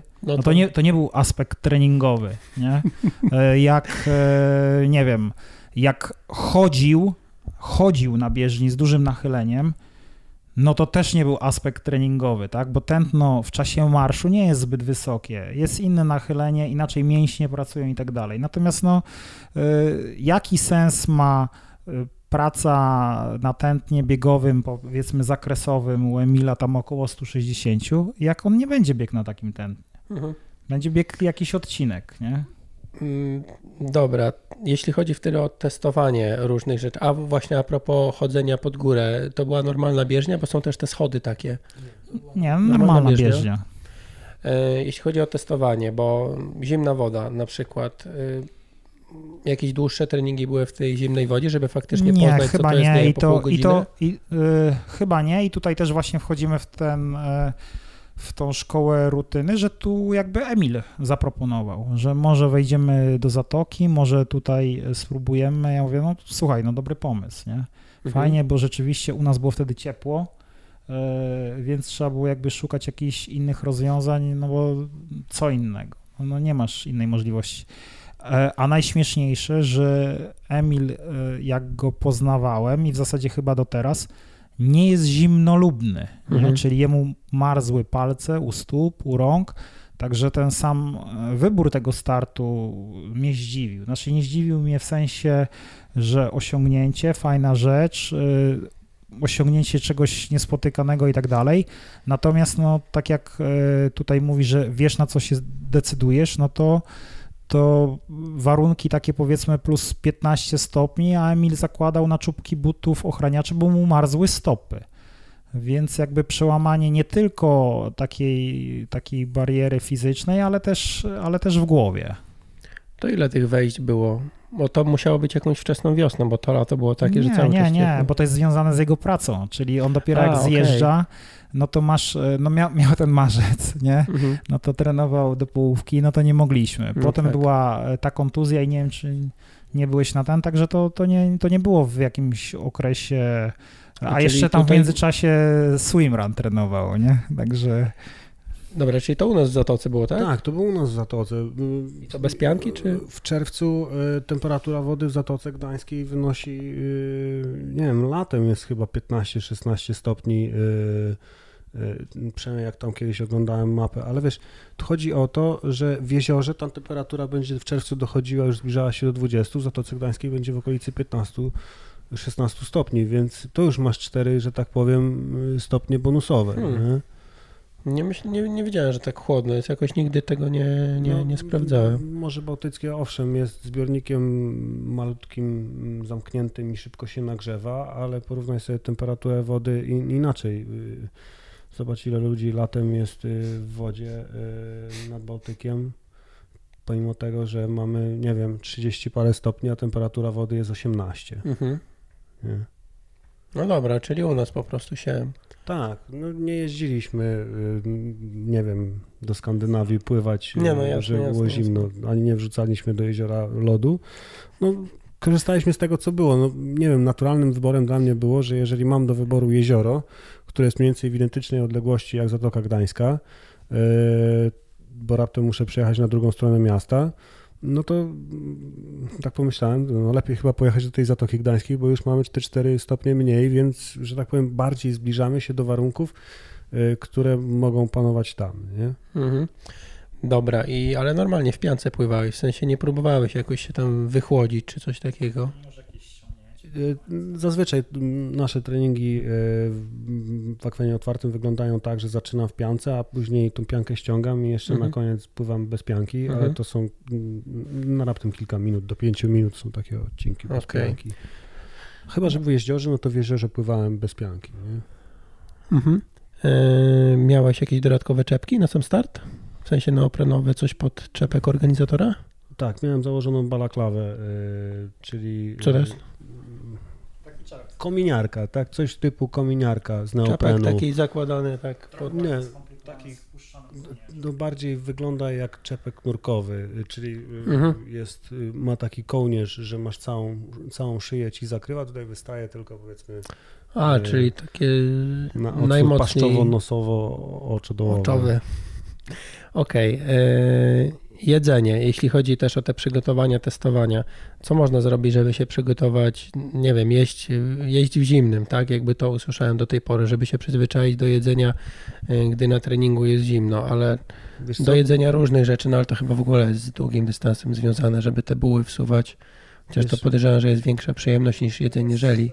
Podam ci taki głupi przykład. y, Raptem, nie wiem, tydzień, nie, dwa tygodnie temu, w weekend, y, z braćmi Banachami wybrałem się na taki dłuższy rower. Nie wiem, ile to trwało, z 5 godzin. I w ciągu tych, i w ciągu tych 5 godzin nie zjadłem nic i wypiłem mm, pół litra izotonika. Znaczy nawet nie izotonika, bo skończyło skończył się izotonik, to musiałem trochę miodu do wody y, wsypać trochę cukru i zrobiłem taki na szybko domowy izotonik przed całym wyjściem. No mam coś takiego, że mm, jakby to powiedzieć, y, głębokie pokłady tłuszczu y, powodują y, i jakaś wrodzona zdolność do przetwarzania tego tłuszczu powodują, że no nie jem za dużo i, i, i tak szczególnie jak jest zimnawo, więc no u mnie to nie było, no, gdyby nie Marcin, to pewnie bym bardzo mocno za to zapłacił na starcie, ale no nie jem za dużo. Czy testowaliśmy jakieś rozwiązania? No, jak byłem na statku, no to y, pozdrawiam Rudego. Rudy mi przynosił zazwyczaj po dwóch godzinach tych dłuższych rowerów, y, przynosił mi y, bułki z szynką i serem i do tego popijałem je Coca-Colą, więc tak, takie wiesz, rzeczy, których normalnie byś, byś, byś, byś nie jadł podczas startu, na przykład na połówce, no ale jeżeli wiesz, że masz cały dzień spędzić na tym, na tym starcie, jeżeli to jest, nie wiem, jeszcze kilka godzin przed rozpoczęciem biegu, czy tam dwie godziny przed rozpoczęciem biegu, a ja sobie zrobiłem e, kanapki z chleba tostowego z, y, z dżemem, no to wiesz, to przechodzi przez ciebie y, lada moment, to nawet już po pół godziny byś mógł biec i w czasie biegu mógłbyś to jeść, też by ci nie, nie przeszkadzało. To wiesz, nie jest schabowy czy golonka, którą masz przyjąć i zaraz po tym żeby zdychać 35 No, no. minut, nie? E, A na tych treningach długich rowerowych żelami się futrowałeś, czy różnie bywało? No wiesz co, mam jeszcze trochę tych żeli na statku. Yy, yy, inaczej, bo widzisz, to trzeba odpowiedzieć na pytanie, że jak jesteś na statku, to też nie jest tak, jak jesteś w domu, że masz ze sobą niekończące się, idziesz do sklepu i przynosisz ze sobą niekończące się pokłady izotonika, albo zadzwonisz do kuriera, przepraszam, zadzwonisz do kolegi, który prowadzi sklep sportowy, weź mi wyślij kurierem, nie wiem, 20 żeli i, i Mhm. izotonik. Jeżeli ja go sobie odpowiednio wcześniej nie przywiozę na statek, a na przykład zapomnę, że na tym statku już nie mam izotonika, to tego izotonika nie mam, dlatego y, często ogranicza się do tego, że brałem ze sobą dużo tabletek, izotonik w tabletkach, który się rozpuszcza. Jak mi się kończyła, to po prostu mieszałem wodę, albo jeździłem na samej wodzie, to się Wanie denerwował, że nie jestem wielbłąd. Ja tutaj największe kłótnie to mieliśmy o jedzenie, dlatego że właśnie Emil nie lubi jeść e, w czasie wysiłku, szczególnie w czasie roweru. Bardzo lubił treningi na wodzie. E, No i to już nawet nie chodziło o czysto, czysto kaloryczność, e, że, że jakby się tam trening nie udawał, no ale też w końcu tam za którymś razem ch- chyba Michał Bogdziewicz też już mu zwrócił uwagę, żeby chociaż minerały wrzucił, to co wypacasz, sód, Mhm. potas, chociaż minerały uzupełniał. Y, Rzeczywiście dobrze toleruje małą ilość kalorii, natomiast y, musisz się nauczyć jeść. Tu na Norsemanie to jest bardzo proste, dlatego że intensywność jest niska w sensie tej, tego, tej pracy tętna, tak? Czy, no i wtedy rzeczywiście możesz zjeść wszystko. Możesz zjeść wszystko, to się żołądek nie jest skurczony i tak dalej. Natomiast musisz być przyzwyczajony do tego, żeby dostarczać i z tego czerpać. Ale mieliśmy takie treningi na statku, które były treningami jakościowymi, które się na przykład nie udały, dlatego że Emil nie zjadł. Był długi trening i on na przykład tam zjadł jeden żel na 3 godziny trening albo wypił, bo mu się nie chciało. Ja mówię, y, i to, ale to jest też bardzo proste do pokazania zawodnikowi. Jak już się tak, y, nie wiem, z kimś tam kłócisz, czy on tam, on twierdzi, że nie ten, staj na wagę przed, staj na wagę po treningu, No tak. Zobaczysz ile się odwodniłeś, ile straciłeś. No i też y, masz bardzo prostą rzecz, czyli ten wykres mocy, tak? Czyli masz, masz te sobie dwie linie i ten wykres tętna się trzyma, powiedzmy na jakimś tam 150 tętnie, dajemy przykład. A wykres mocy z czasem spada ci w dół, no czyli co? Osłabłeś nagle w czasie? No Zmęczyłeś się już. no, no, no tak, ta, ta, takie właśnie najbardziej uwielbiam wnioski amatorów. Co się stało? Zmęczyłem się. No, także musieli, e, musieliśmy przewalczyć, żeby nauczyć Emila jeść. Znaczy nie nauczyć, on o tym wszystkim wie, lubi sobie tam też podjeść, tylko w czasie wysiłku mu się nie chce. I to na, na lekkich treningach przejdzie, a to nie jest tylko problem Emila, to wielu, wielu prosów ma z tym problem. No nie chce się, tak? E, to jak po, porozmawiasz, czy rozmawiałeś z Łukaszem Kalaszczyńskim, to no, no głowa, emocje, tak? Miałem taką ostatnią dyskusję na temat startu na Hawajach z zawodnikiem swoim, bardzo dobrym 4.20 robi na połówce, że co się stało, że ten Sanders nie wiedział, zrobił tyle głupot, no, że, że nagle zmienił jedzenie, zaczął mocniej trenować yy, i coś tam jeszcze zrobił. Ja mówię, nic się nie stało, oni to wszystko wiedzą. Oni to wszystko wiedzą. Tylko jak dołożysz y, y, Facebooka, Instagramy, nakręcanie się nawzajem, y, podpuszczanie, no ja też to rozumiem, bo to jest nakładanie na, na siebie presji przez zawodnika. Specjalnie to robią nieraz celowo. Czasami to są związane rzeczy z kontraktami reklamowymi, czasami z czymś innym. Natomiast no, jak nałożysz ileś tych, tych rzeczy na siebie, to oni wszyscy to wiedzą, wiedzą, że idą po granicy, wiedzą, że idą za mocno, no ale, ale ryzykujesz, tak? Raz na 10 się uda, no. Ta, tak, tak. No nie, teraz chodzi taki fajny filmik, e, na pewno widzieliście z Hawajów, jak e, Patrick Lange je na bufecie. Tak, i kolą się polewa. No i to, to na bufecie zjada wszystko, co się rusza, nie? To tam wszystko wyrywa, wszystko. No i, no i co? No dobiega w czasie rekordu świata i wtedy zwycięzcy się nie ocenia. To takie, takie iście po bandzie uda się w jednym przypadku na 10 u amatora. Ja też to bardzo cenię, dlatego że jak często rozmawiam z zawodnikiem, no i teraz trener wie, na jaki stać cię wynik. Strzelamy, że ciebie stać na 5 godzin, tak? Masz to wytrenowane, biegałeś w takim tempie, żeby czas półmaratonu przebiec po tyle, tyle watów utrzymasz i tak dalej. I raczej, i masz teraz dwie opcje. Opcję bezpieczną i opcję ryzykowną. Jeżeli za, zawodnik zaczyna, jest amatorem, e, pierwszy raz coś robi, no to on chce wziąć coś w ciemno, Mhm. tak? W ciemno chce wziąć, te 5 godzin złamie? Złamiesz. To po ile muszę biec? Po tyle. A ile watów? Tyle. Zrobisz to, złamiesz, ale nie sięgniesz do, do tej ściany, tak? Nie sięgniesz, bo to jest, to jest to, co jest wytrenowane. Albo masz opcję, dwa uda, nie? Uda się albo się nie uda. I ja bardzo cenię takich zawodników, ale wtedy musisz wiedzieć, ryzykujesz na 100%. Jak Mhm. będzie bomba, no to będzie bomba taka, nie, że ty sobie zwolnisz 20 sekund na kilometrze, tylko będziesz szedł. Mhm. Y, Taką mieliśmy też sytuację na Tajwanie, aż tak Emila nie pogięło. On mógł bezpiecznie dolecieć chyba na drugiej pozycji. Bezpiecznie, nie? Czyli zrobić to, co było rozpisane. No ale, no wiesz, masz bezpiecznie i się potem zastanawiasz, albo ryzykujesz, okej, nie udało się, skończyłem trzeci, ale zaryzykowałem. I jeżeli to jest twój świadomy wybór i twoja świadoma decyzja, to nie ma w tym nic złego. Gorzej jak dorabiasz do tego ideologię, tak? Czyli, że coś tam wymyślasz. Bo jeżeli, ja, ja nawet lubię takich zawodników, którzy lubią zaryzykować, nie? Czyli powiedzą, dobra, słuchaj, no idziemy w bank, najwyżej się tam zesra, nie?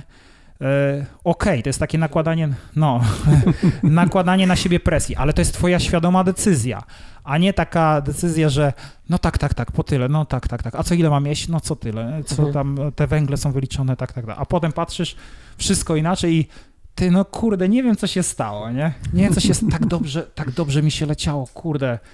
Miałeś rozmowę z Łukaszem, otworzyłem pierwszą piątkę po 3.30 Mhm. e, w tropiku, nie? No co się stało? No, no właśnie to się stało, nie? On, dokład, on dokładnie wie, mówił, był jedynym człowiekiem z Europy, tak? E, za mocno pobiegł, za, szarpał się na rowerze. On to wszystko wie, jak analizuje Mhm. ten start. No ale powiedz to zawodnikowi, jak schodzi trzeci z roweru, ma przed sobą tego. Andy Potsa, tak? Legendę z Hawaii. e, Słyszy, kurde, nagłówki gazet, które są po starcie. e, Nie wiadomo, co się może stać. Nagle pompowany balonik przed startem, tak? Pro, warunki, przygotowania, coś. No to teraz wytłumacz to. To wiesz, no krew nie woda. Oni to wszystko, wszystko wszyscy wiedzą, nie? Tylko to jeszcze musisz zrobić. Ale też y, z Marcinem Chabowskim dawno, dawno temu rozmawiałem. Tę historię też w jednym z ostatnich odcinków y, przypominaliśmy. A Mm. pamiętasz jego bieg maratoński w Zurichu? No właśnie, i tam też był ryzyk fizyk, gdzieś tam mu chłopaki y, jakby skończyła się grupa, tak, no i mógł poczekać na grupę, tak naprawdę stanąć, poczekać, albo ostro do przodu, no i zszedł, Wszyscy pukali go w głowę, co on robi. No. Tam przewagę miał 4 czy 5 minut. Bardzo ciężka trasa, akurat znam tą trasę biegową. No ale właśnie to jest to ryzyk albo... No i wspominaliśmy ten start, no i Marcin też mówi, że jego zdaniem wielu osobom brakuje takiego, nie wiem czy to nazwać jajem czy czym, ale że no czasami, czy czasami, że no generalnie warto ryzykować, tak jak mówisz, jeden na ileś startów, nawet tej alicie, tak, wypadnie i wypadnie epicko, a, czas, a w większości nawet przypadków skończy się średnio albo źle.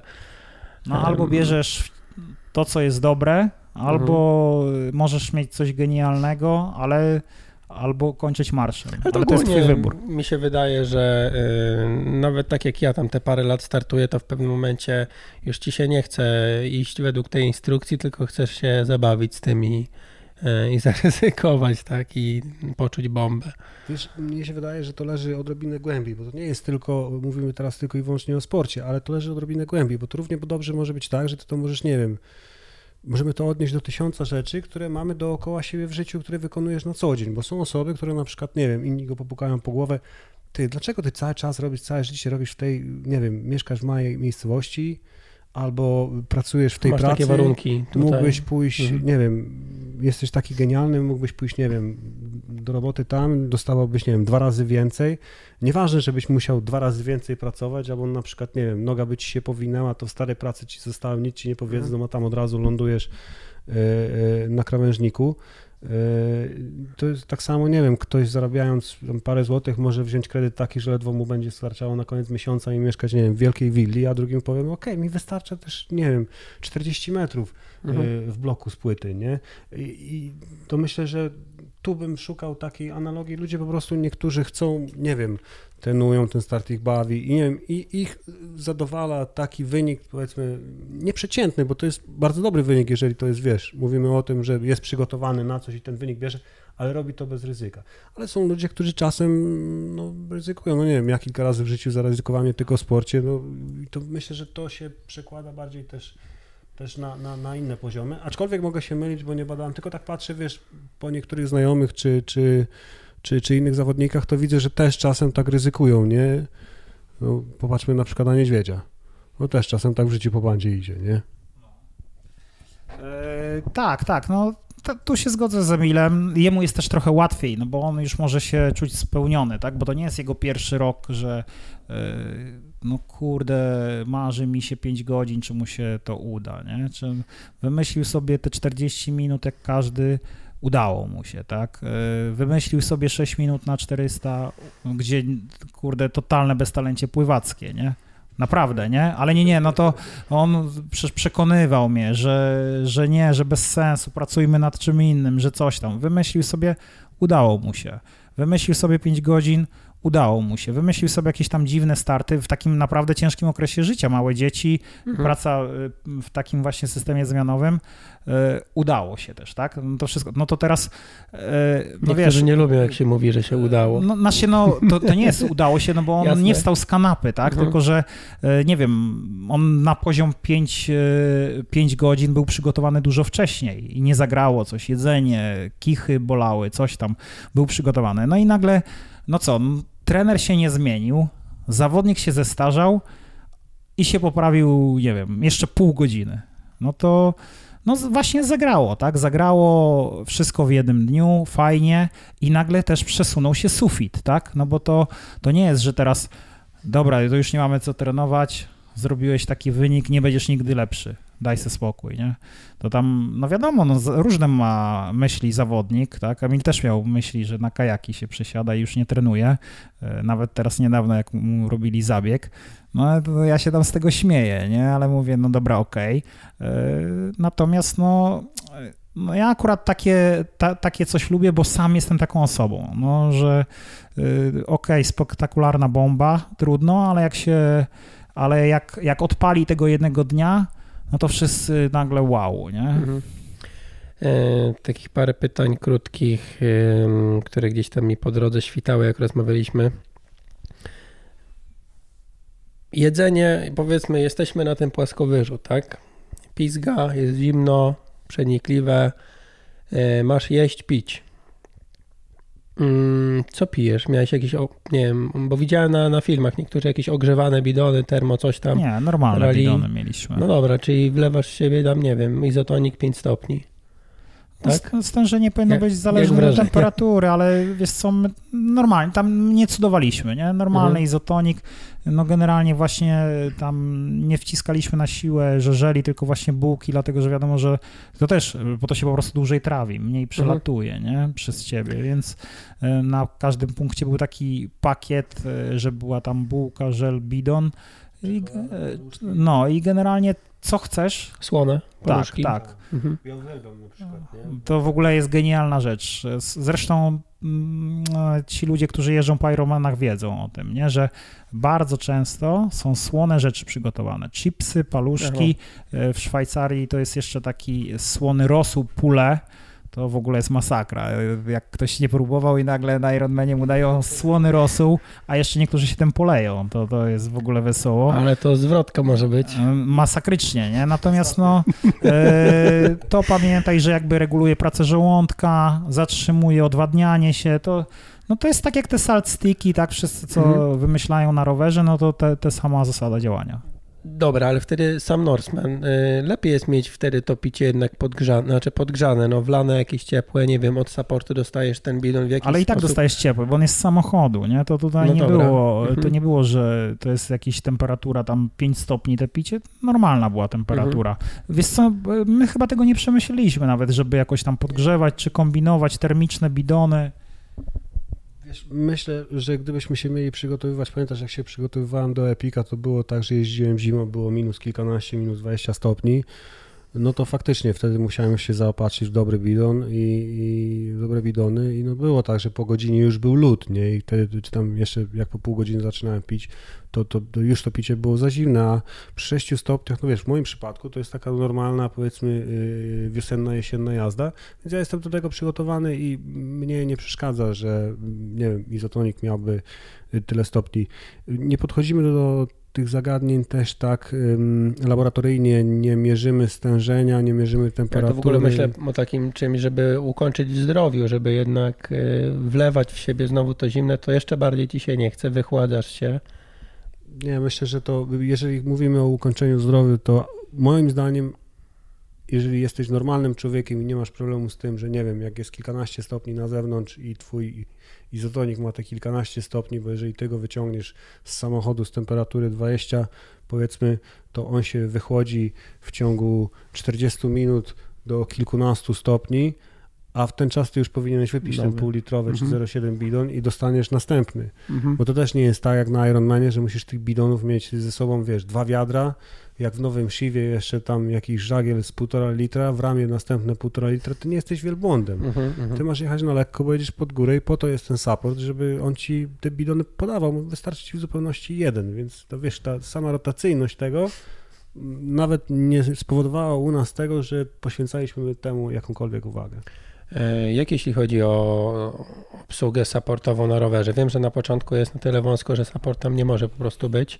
E, Natomiast jak później mieliście, podejrzewam, że dogadane wcześniej, e, Mm, gdzie się Tak, zatrzymujesz? wiesz co, mieliśmy dogadane, Emil mi poznaczył na, e, w których miejscach Na najlepiej, tak, w których miejscach najlepiej stanąć, ale to też ewaluowało w trakcie. Po pierwsze, masz oznaczone jak nie wolno ci stanąć. I to nie jest tak, że sobie e, możesz stanąć na jezdni w dowolnym miejscu, tylko musisz stanąć poza obrysem jezdni, a takich miejsc nie jest wcale dużo.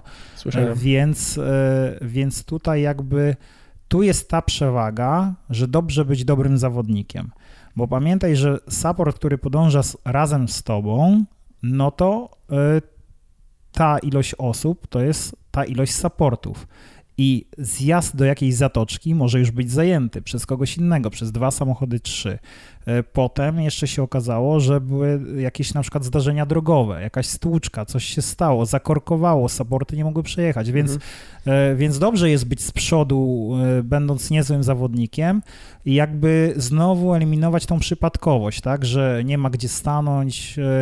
Mieliśmy ustalone na przykład, że nie wiem, tam co 10 czy co 15 kilometrów będę stać, ale wielokrotnie tak było, że na przykład e, na jakimś punkcie Emil mi mówi, pytałem się go, kiedy on mówi, no to tam za 20 kilometrów bądź, nie? No i tam szukałem za te 20 kilometrów, gdzie tutaj najlepiej stanąć.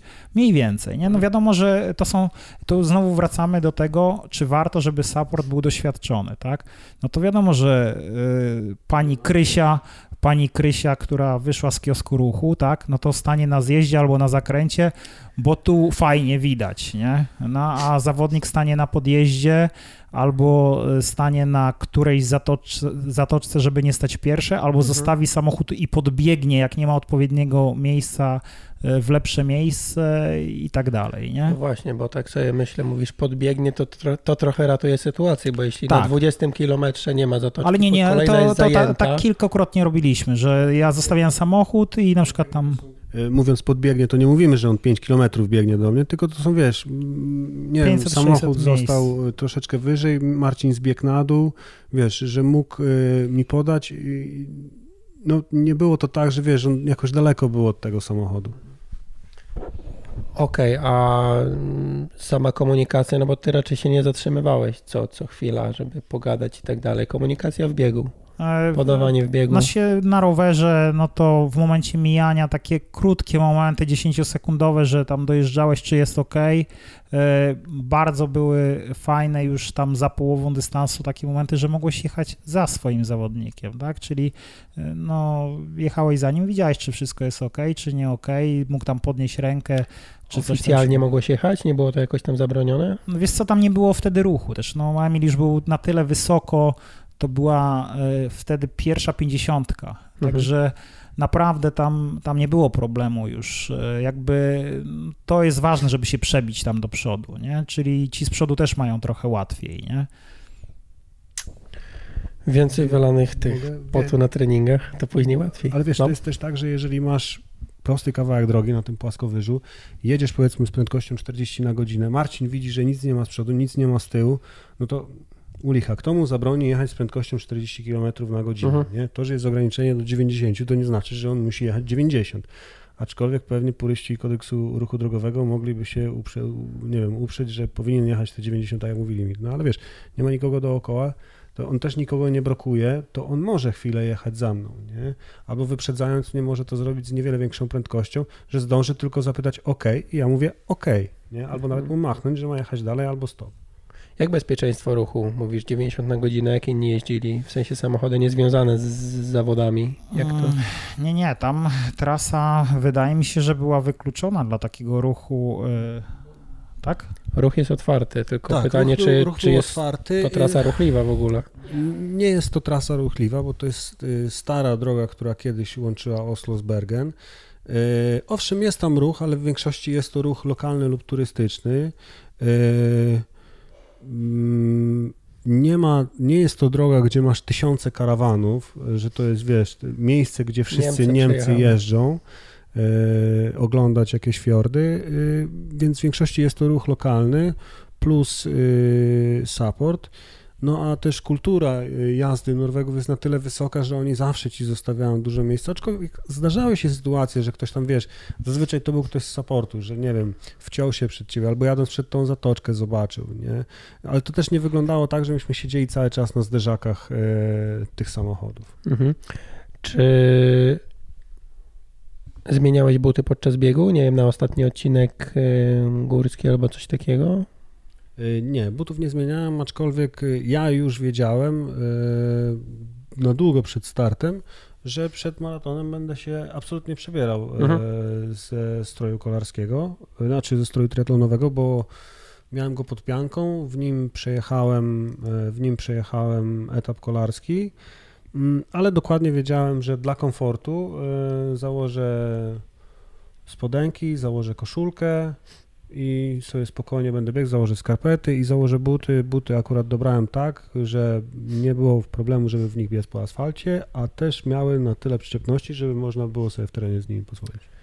Jak, y, co na siebie zakładałeś, y, nie wiem, konkretnie możesz nawet podać produkty czy coś takiego, jak się przed zimnem na etapie kolarskim chroniłeś? No bo początek podejrzewam, że raczej start na krótko? Nie, nie. Pod górę? Akurat y, tam było dość zimno. Wyszedłem, wychodząc z wody, samo Jesteś już- wyjście już z wody dość. już jest ci zimno. Mhm. W momencie, kiedy byłem na statku, jeszcze przed skokiem, tak sobie pomyślałem, zanim skoczyłem do wody, pomyślałem tak, to jest ostatni moment, kiedy jesteś w miarę komfortowo termicznej sytuacji, następny będzie gdzieś późnym wieczorem i faktycznie tak się okazało. E, Skoczyłem do tej wody, no i od razu było mi zimno i mówię, okej, dobra, wiedziałem, że tak będzie, nie? No i e, miałem pod pianką założony e, strój startowy, y, strój specjalnie przygotowany na te zawody, y, Ten od opracowany przez Huba na Northmana, z długim rękawem, z windstopperem, więc jest to świetny materiał wyjściowy.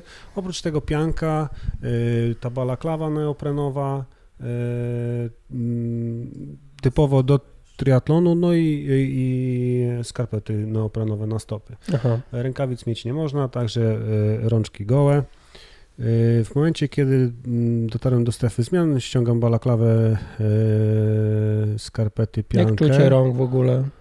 Nie było źle. Kiedyś miałem, pamiętam, to w Szczecinie chyba były takie jedne zawody, że było tak zimno, to po wyjściu z wody miałem problem, żeby, żeby, żeby, nie, po rowerze chyba miałem problem, żeby buty biegowe założyć.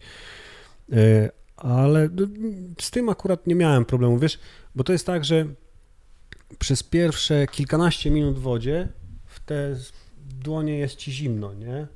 Ale później. mm, No krew odpływa, tak naczynia się zwężają i nie ma się tego tak czucia bardziej chyba, tak? normuje i, i no nie wiem, pierwszy skok cię zaczyna wszystko szczypać, nie?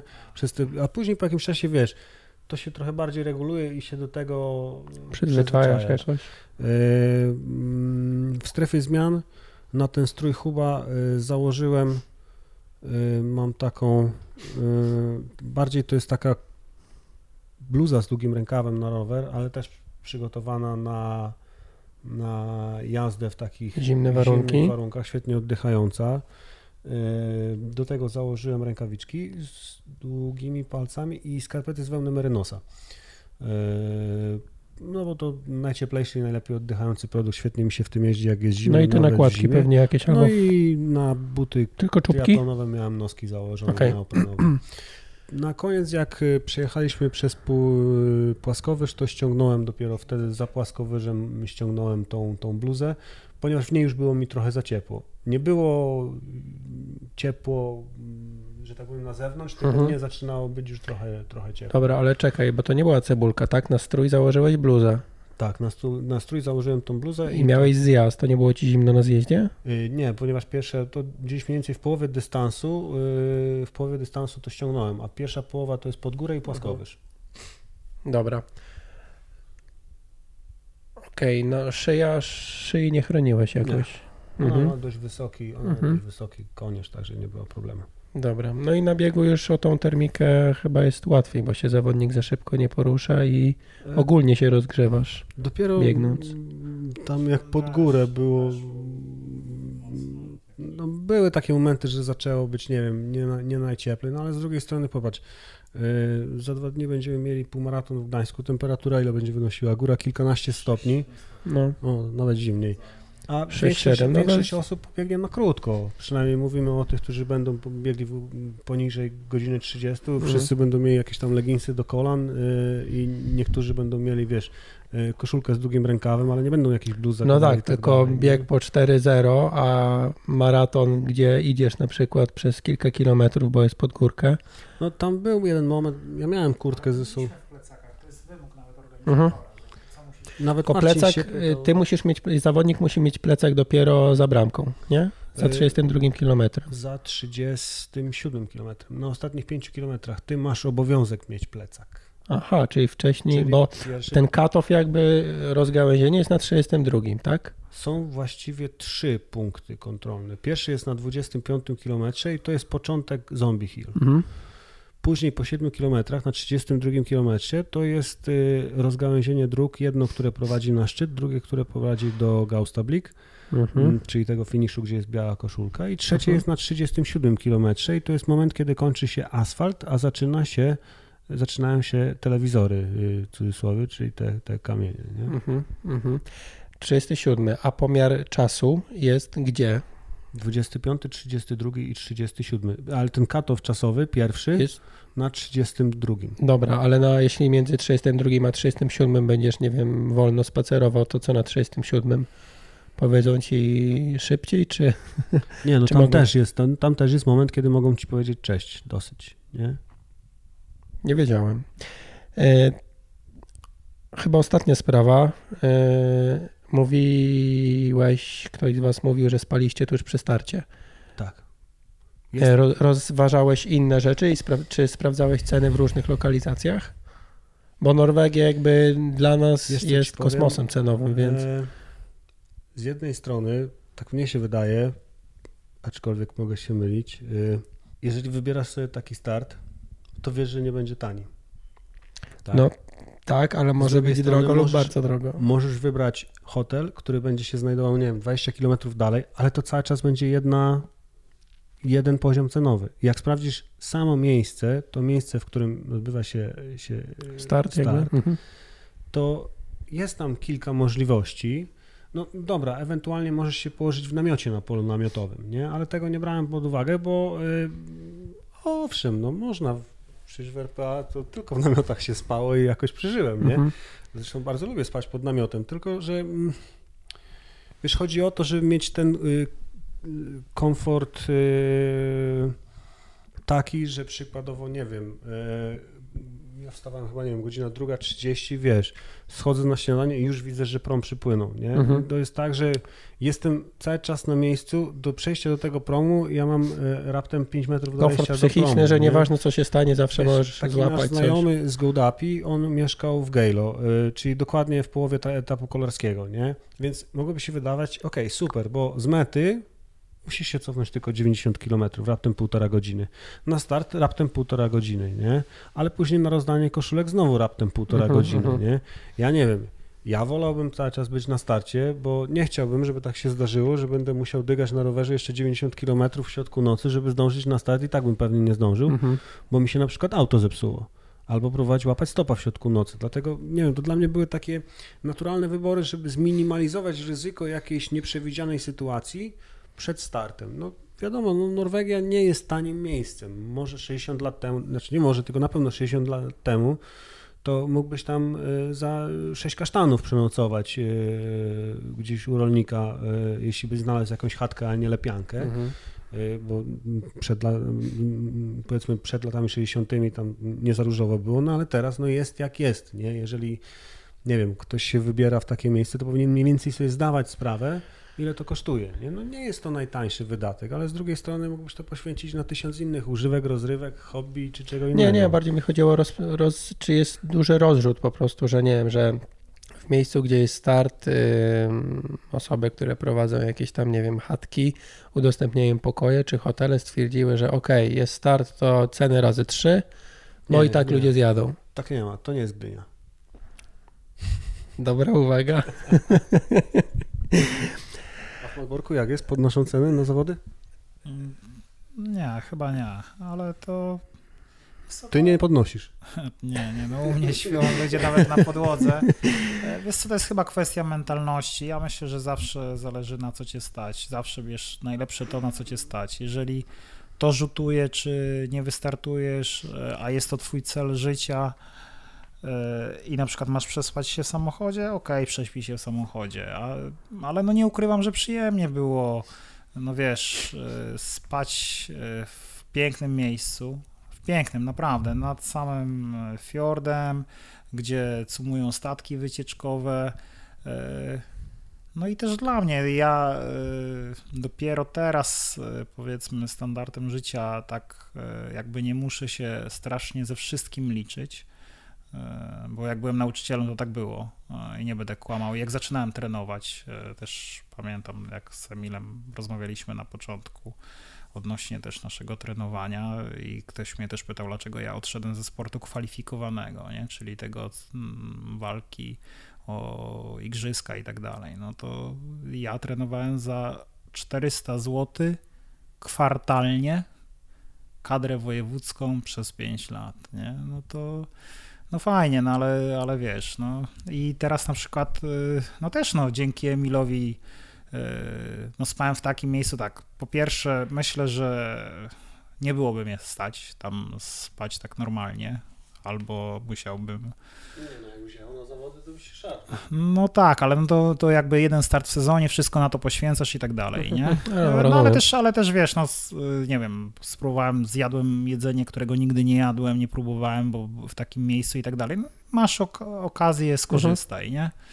Także mm, tak do tego podchodzę. Gdyby to było, że e, nie mam pieniędzy i, i czy warunkuje to start, no to nie wiem, to może bym pożyczył Volkswagena T4 i spał w samochodzie na miejscu, zapłacił za parking. To wszystko zależy, to tak jak w życiu, no, Mhm. tak jak masz, nie? Jasne, a jechaliście tam samochodem w ogóle, czy Tak, jechaliśmy samochodem i Marcina. promem? I promem. Mhm. Nie Marcina. Mhm. To byśmy gadali na promie wtedy, ale... Mm, Okej, a jak wyglądała y, jeszcze, a propos pracy supportu, tak mi się przypomniało, kończysz pływać, jest T1, kończy się T1, ty wychodzisz na rower, support zbiera wszystko, czyści T1? Tak, tak. E, No, e, generalnie ty nie wracasz już w miejsce startu, więc, e, więc jak Emil popłynął sobie, na start, powiedzmy tam godzinę płynie, to, to nie jest tak, że no dobra, mamy trzy godziny, teraz sobie zjemy, tak, tak, taki był plan, zjemy sobie śniadanie, odpoczniemy coś. No tylko trzeba było y, sprzątnąć, wymeldować, zapakować y, samochód, y, zejść na szybkie śniadanie, czekać aż on wyjdzie, być przygotowanym do tego, że wyjdzie, w sensie być ogarniętym, nie na zasadzie wychodzi, dobra, to wezmę, e, wezmę tam, pozbieram rzeczy e, w reklamówki i jedziemy, tylko mm, to jedzenie wiadomo, że wcześniej przyszykowane to raz, też tak, taki e, podpatrzyliśmy, no przynajmniej ja podpatrzyłem, nie wiem, chyba Emil też to widział, e, patenty innych zawodników, którzy mieli takie boksy plastikowe przygotowane, takie jak pudełka z ogrodniczego i w tych boksach, no, no właśnie, coś takiego, tam na przykład, nie wiem, na od razu gotowe zestawy na 5, 10, 15 kilometr albo gotowe zestawy z ciuchami i tak dalej. Na przykład T1, T2, Ray, sam, wiesz. Mhm. Więc, więc to, to hmm. może bym e, też wprowadził. Natomiast chodziło, najbardziej chodziło o to, że jak już Emil wyjdzie z wody i też znowu chodziło o to, żeby się nie grzebał w tej wodzie, tak? Czyli e, jest zimno, ok, nie pływa najlepiej, nie pływa też źle już, nie? Już pływa na poziomie przynajmniej średnim, i chodziło, żeby to nie było takie wyluzowanie, dlatego że tam największy problem jest właśnie na początku. Gdzie się może zakorkować, to na początku. Jak, może, jak cię przytrzymają gdzieś, bo jest moment, że się droga e, supportu krzyżuje w sensie przejazdu kolarzy i tam jest ruch wahadłowy, tak? Czy ruch wahadłowy samochodów z naprzeciwka i wyjazdu, to jest na początku. To, to są te pierwsze tam powiedzmy 10 kilometrów.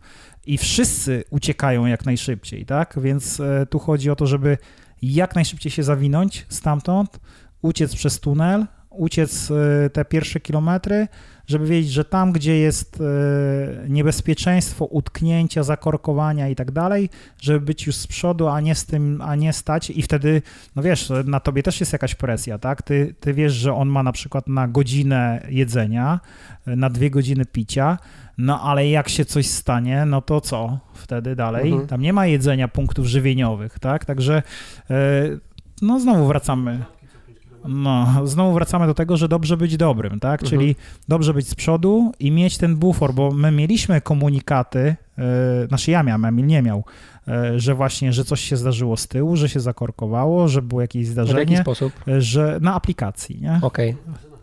E, aha, ja jeszcze byłem połączony z kolegą, który siedział przed komputerem, to Emila kolega, który też e, dawał informacje, nie? Ale ja dostawałem SMS od organizatora, nie? Bo mhm. podajesz numer i że na przykład tam o... E, Okej, okay. a wypadek... Emila widziałeś na GPS-ie, czy...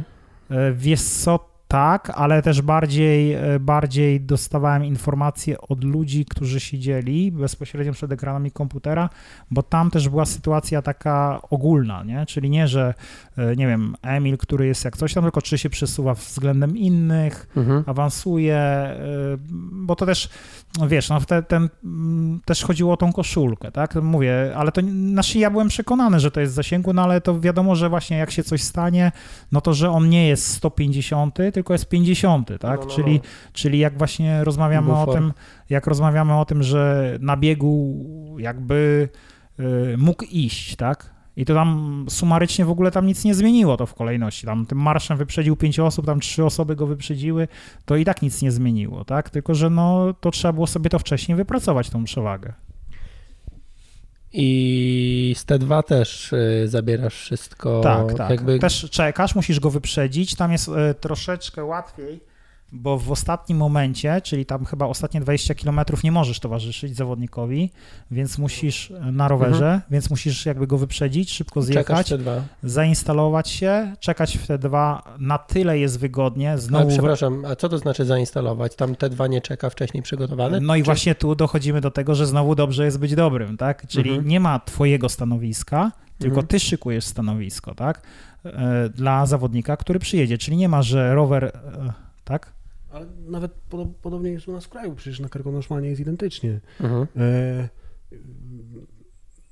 dopływasz, y, dopływasz do zamku Czocha, bierzesz rower, y, znaczy bierzesz rower i te twoje wszystkie rzeczy, twój support zbiera, wsadza do samochodu, on jedzie do przodu i musi ci podać żarcie.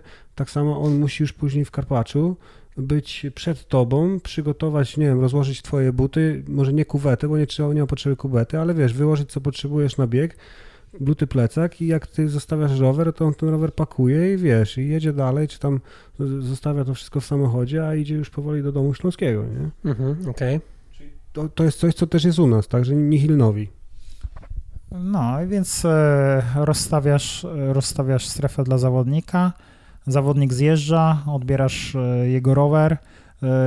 No oprócz takiego standardowego przebrania, no to tam można skorzystać jak jak wszędzie z namiotu, bo akurat Emil się przebierał cały. No i znowu, tak jak po pływaniu, wszystko zbierasz, wszystko do auta, rower do auta, rzeczy do auta. E, Jest ten moment, e, to co Emil mówił, te pierwsze 20-25 km w miarę płasko, to można znowu podjeżdżać, dawać, e, dawać e, jedzenie i mieć w miarę dobry kontakt, tym bardziej, że ten, to jest już bieg, no to nie jest ta prędkość zawrotna. E, Natomiast no, później no, też musisz ten samochód gdzieś zostawić. No, najlepiej go zostawić jak najwyżej, a jak najwyżej to znaczy, że no, teoretycznie musisz się dostać na ten ostatni punkt, co, na 32, na ten, na ten pierwszy, który jest czasowy, tak, zostawić, no i, i tutaj na przykład też e, można by było to inaczej rozegrać z supportem, podzielić na rolę, czy, czy rozegrać to inaczej, no i e, teoretycznie zejść do zawodnika, który biegnie z przeciwnej, z przeciwnej Czyli strony, na 20. mm, aha, czyli samochód można na 32.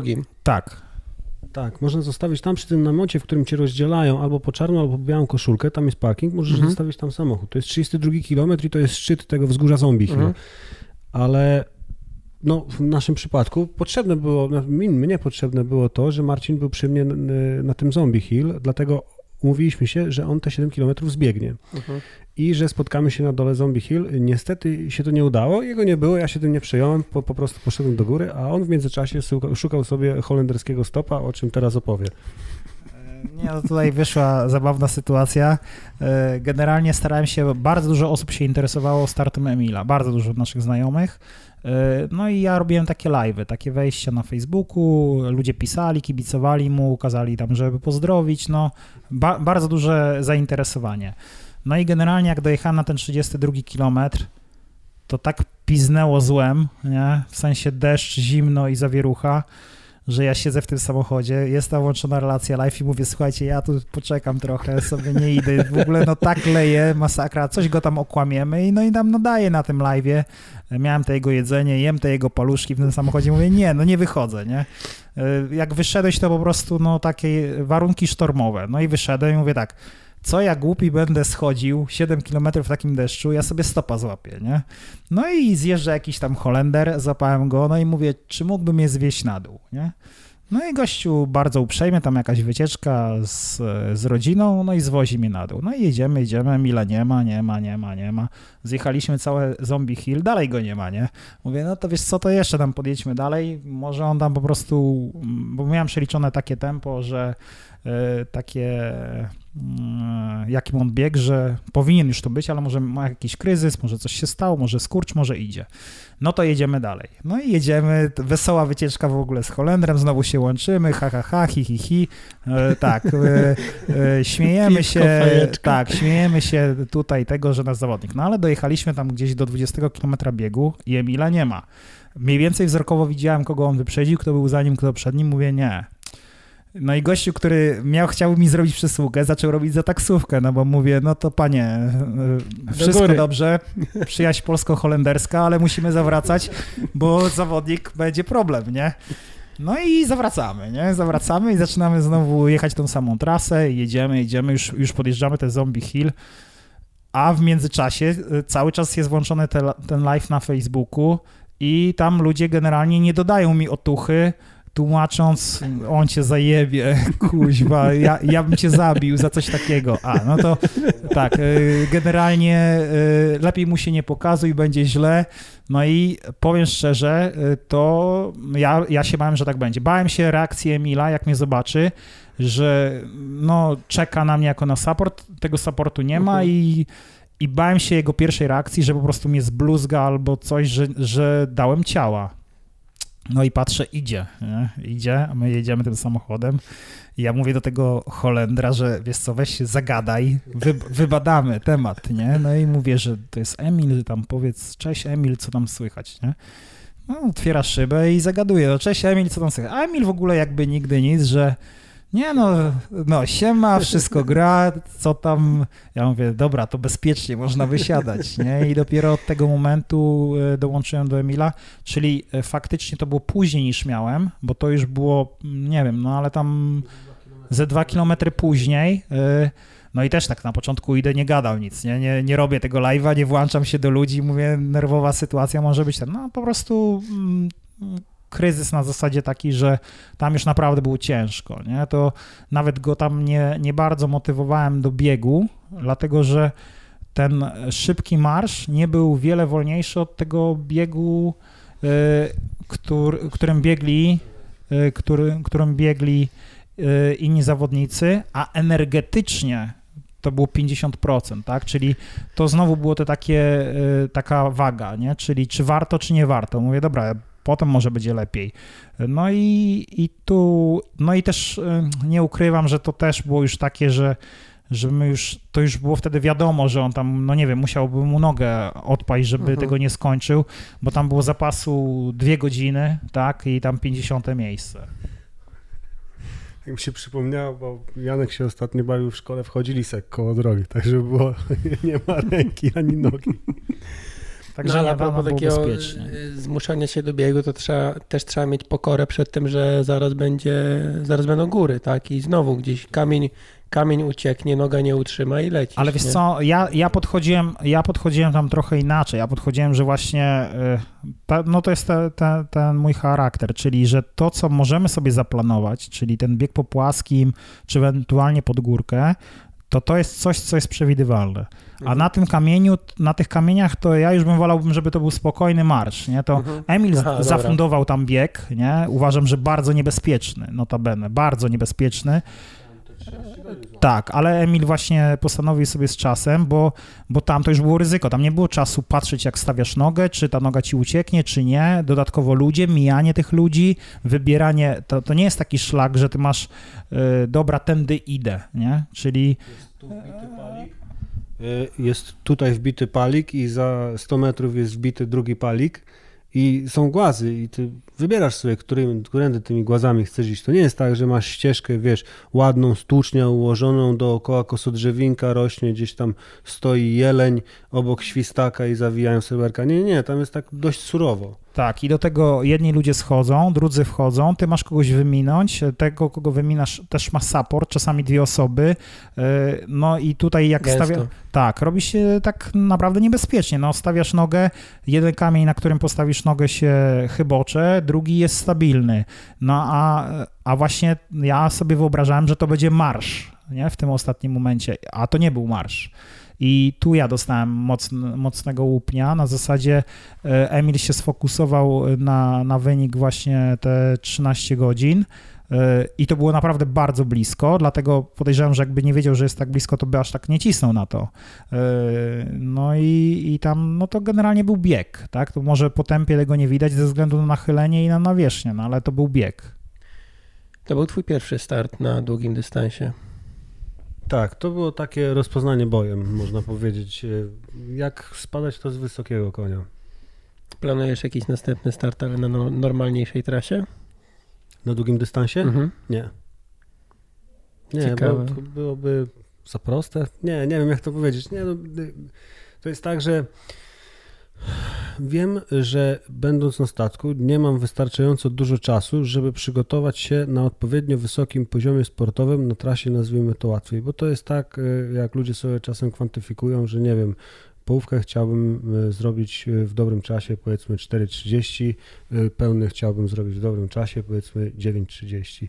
A no, nie interesuje mnie wystartowanie powiedzmy w Borównie Bydgoszczy, w Wolsztynie czy gdziekolwiek indziej wiesz, na zaliczenie tylko po to, żeby to, to odhaczyć. W Northwayne chciałem wystartować, bo to taka to była, tak jak już mówiłem, wielka przygoda. To jest coś, co, co naprawdę ci stoi z tyłu głowy, nie? Co może nie tyle nie daje ci spać, co bardzo chcesz to zrobić. Natomiast nie mam e, takiej potrzeby, żeby wystartować e, we Frankfurcie, w Hamburgu e, czy w Barcelonie, bo miejsce jak każde indziej i każde inne, nie? Jest wiele innych startów, które mnie bardziej interesują na przykład, nie wiem, jest taki triatlon w Szwajcarii, się nazywa Inferno, nie? Y, raptem nieco dłuższa połówka, a wiesz, y, co najmniej z 9 godzin zajmie, nie? Dobra, ale na przykład w, nie wiem, jakiś Borówno, coś takiego mógłbyś się pobić o mistrza Polski na dystansie pełnym. E, chyba e, sam ze sobą albo Emilów, nie wiem. Nie, nie no, mistrza Polski czego, nie. No, Amatorów, nie? Nie. Jak tam się kształtuje poziom strzela? Wiesz co, myślę, że musiałbym się kręcić w kategorii M35 koło 9 godzin, e, że, no, że tam 9-20, no nie wiem, jakby super wszystko zagrało, to myślę, że w Borównie moglibyśmy e, te 9.30 złamać, ale e, wiesz co, ja nie mam takiej potrzeby walczenia o mistrza czegoś w jakiejś kategorii, nie? E, bo co mi da nawet tytuł mistrza polskiej kategorii M35 na dystansie X, nie? No teoretycznie, nie wiem, nie byłoby to zwieńczenie kariery, nie spowodowałoby to, że poczułbym się lepiej. E, owszem, fajnie jest podnosić swoje swój poziom, mieć coraz fajniejsze osiągnięcia. Wiesz, mm, ale bardziej niż na czasach zależy mi na fajnych startach, fajnych miejscach, nie? Dlatego bardzo chciałem mm, pojechać na Mistrzostwa Świata na połówce, bo ten start już dość długo za mną chodził. Chciałem, wiesz, chciałem liznąć takiej imprezy mistrzowskiej. Ja wiedziałem, że ja tam nie jadę, nikomu nie, nie wkładałem jakichś kwiatków do głowy typu, że wiesz, nie wiem, chodziłem od sponsora do sponsora, zakładałem jakieś y, na portalach y, crowdfundingowych y, zbiórki, że wiesz, mówiłem ludziom, że jadę walczyć. Nie, ja tam pojechałem, żeby liznąć tej, tej atmosfery, tej imprezy Klimatu. od środka, bo chciałem to zrobić. Poza tym, wiesz, bardzo, bardzo dobrze znam rejon, w którym to się odbywało, więc też chciałem tam pojechać. Nazwijmy to tak turystycznie, nie? No, nie wiem, triatlon pozwolił mi na zwiedzenie wielu ciekawych miejsc, nawet u nas w kraju, w których wcześniej nie byłem, no nie wiem, GoDap, to ja tylko znałem y, z, y, z lekcji języka polskiego w podstawówce, gdzie nas katował świętej pamięci magister Trybus odmianą przez przypadki nazwy GoDap. No, I wielu innych fajnych miejsc, które, no nie wiem, nie trafiłby mnie pewnie, gdyby nie triatlon. I tak samo jest z wyjazdami zagranicznymi. A to nie jest tak, że nie wiem, celem moim jest wygranie kategorii obojętnie jakiej, na obojętnie jakim dystansie, żeby być mistrzem Polski. Nie, takich ambicji nie mam. Mhm. Być może dlatego, że mój tata błędnie, a może nie błędnie, mówił mi, że mistrzem nie będziesz, nie? Jakoś mi to zostało z tyłu głowy. No dobra, czy podsumowując adventure bardziej, znaczy no tak jak mówisz, zwiedzanie miejsc. A na koniec powiedzcie, gdzie możemy znaleźć was w internetach, jak ktoś by chciał coś napisać, skontaktować, podpytać o tego Norsemana na przykład. To do Emila, nie? znaczy, no, teoretycznie ja mam tam fanpage, ale za bardzo się tam nie udzielam. Nawet jak tam jakieś fundacje się zgłaszają, że mam za mało followersów i żeby się bardziej uaktywnić. Ostatnio miałem, tak, e, to było, czy organizacja jakaś, no to, to jakby nie mój target, tak, e, no okej, okay, no rozumiem to, że tak to wygląda, taki jest rynek, mhm. natomiast no trochę inaczej funkcjonuje. E, no przez Emila, Emil Emil w tych technicznych sprawach jest lepszy tak naprawdę ode mnie. Nie? Też ja też akurat nie mam zamkniętej głowy, dużo się od niego uczę tych technicznych rzeczy, nie tych treningowych, ale takich z rozwiązaniami. E, między innymi też namawiał mnie chyba, nie wiem, ze dwa lata na przejście na trening Pixa, na ten amerykański e, portal, który mi tak naprawdę usprawnił pracę, Mhm. nie? ale to musiałem dojrzeć do tego, tak, że, że to jednak ułatwia i że coś za co się płaci to jest lepsze. E, No i no i generalnie tyle. No mówię, no ja tam ja to generalnie nie, nie lubię tam za bardzo, jak ktoś tam mnie męczy. E, To do Emila, on tam ma lepiej to rozpoznane. Mnie możecie znaleźć y, zarówno na Facebooku, na Instagramie, jak i y, w sieci pod nazwą roboczą El Capitano, pisane razem i przez K, na stronie internetowej elcapitano.pl i na Facebooku pod nazwą El Capitano, czy tak samo na Instagramie. Jakie ciekawe starty w następnym roku? 2019, ale to twoje starty, a nie. No dobra, okej. Nie, to dobra, zobaczymy na razie. No ja wracam po roku e, przerwy w ogóle od sportu e, i generalnie miałem e, dopiero tam coś na przyszły, bo jak jest sezon wasz, czyli zawodników, no to ja nie mam za bardzo czasu związanego z pracą zawodową, więc u mnie idealnym terminem to jest albo jesień, albo, ale wtedy po Malborku jestem wyprany, albo e, wiosna, e, marzec czy tam kwiecień, to jest dla mnie idealny termin, że ja mogę się, mogę pracować z każdego miejsca zdalnie, więc dla mnie to jest idealnie.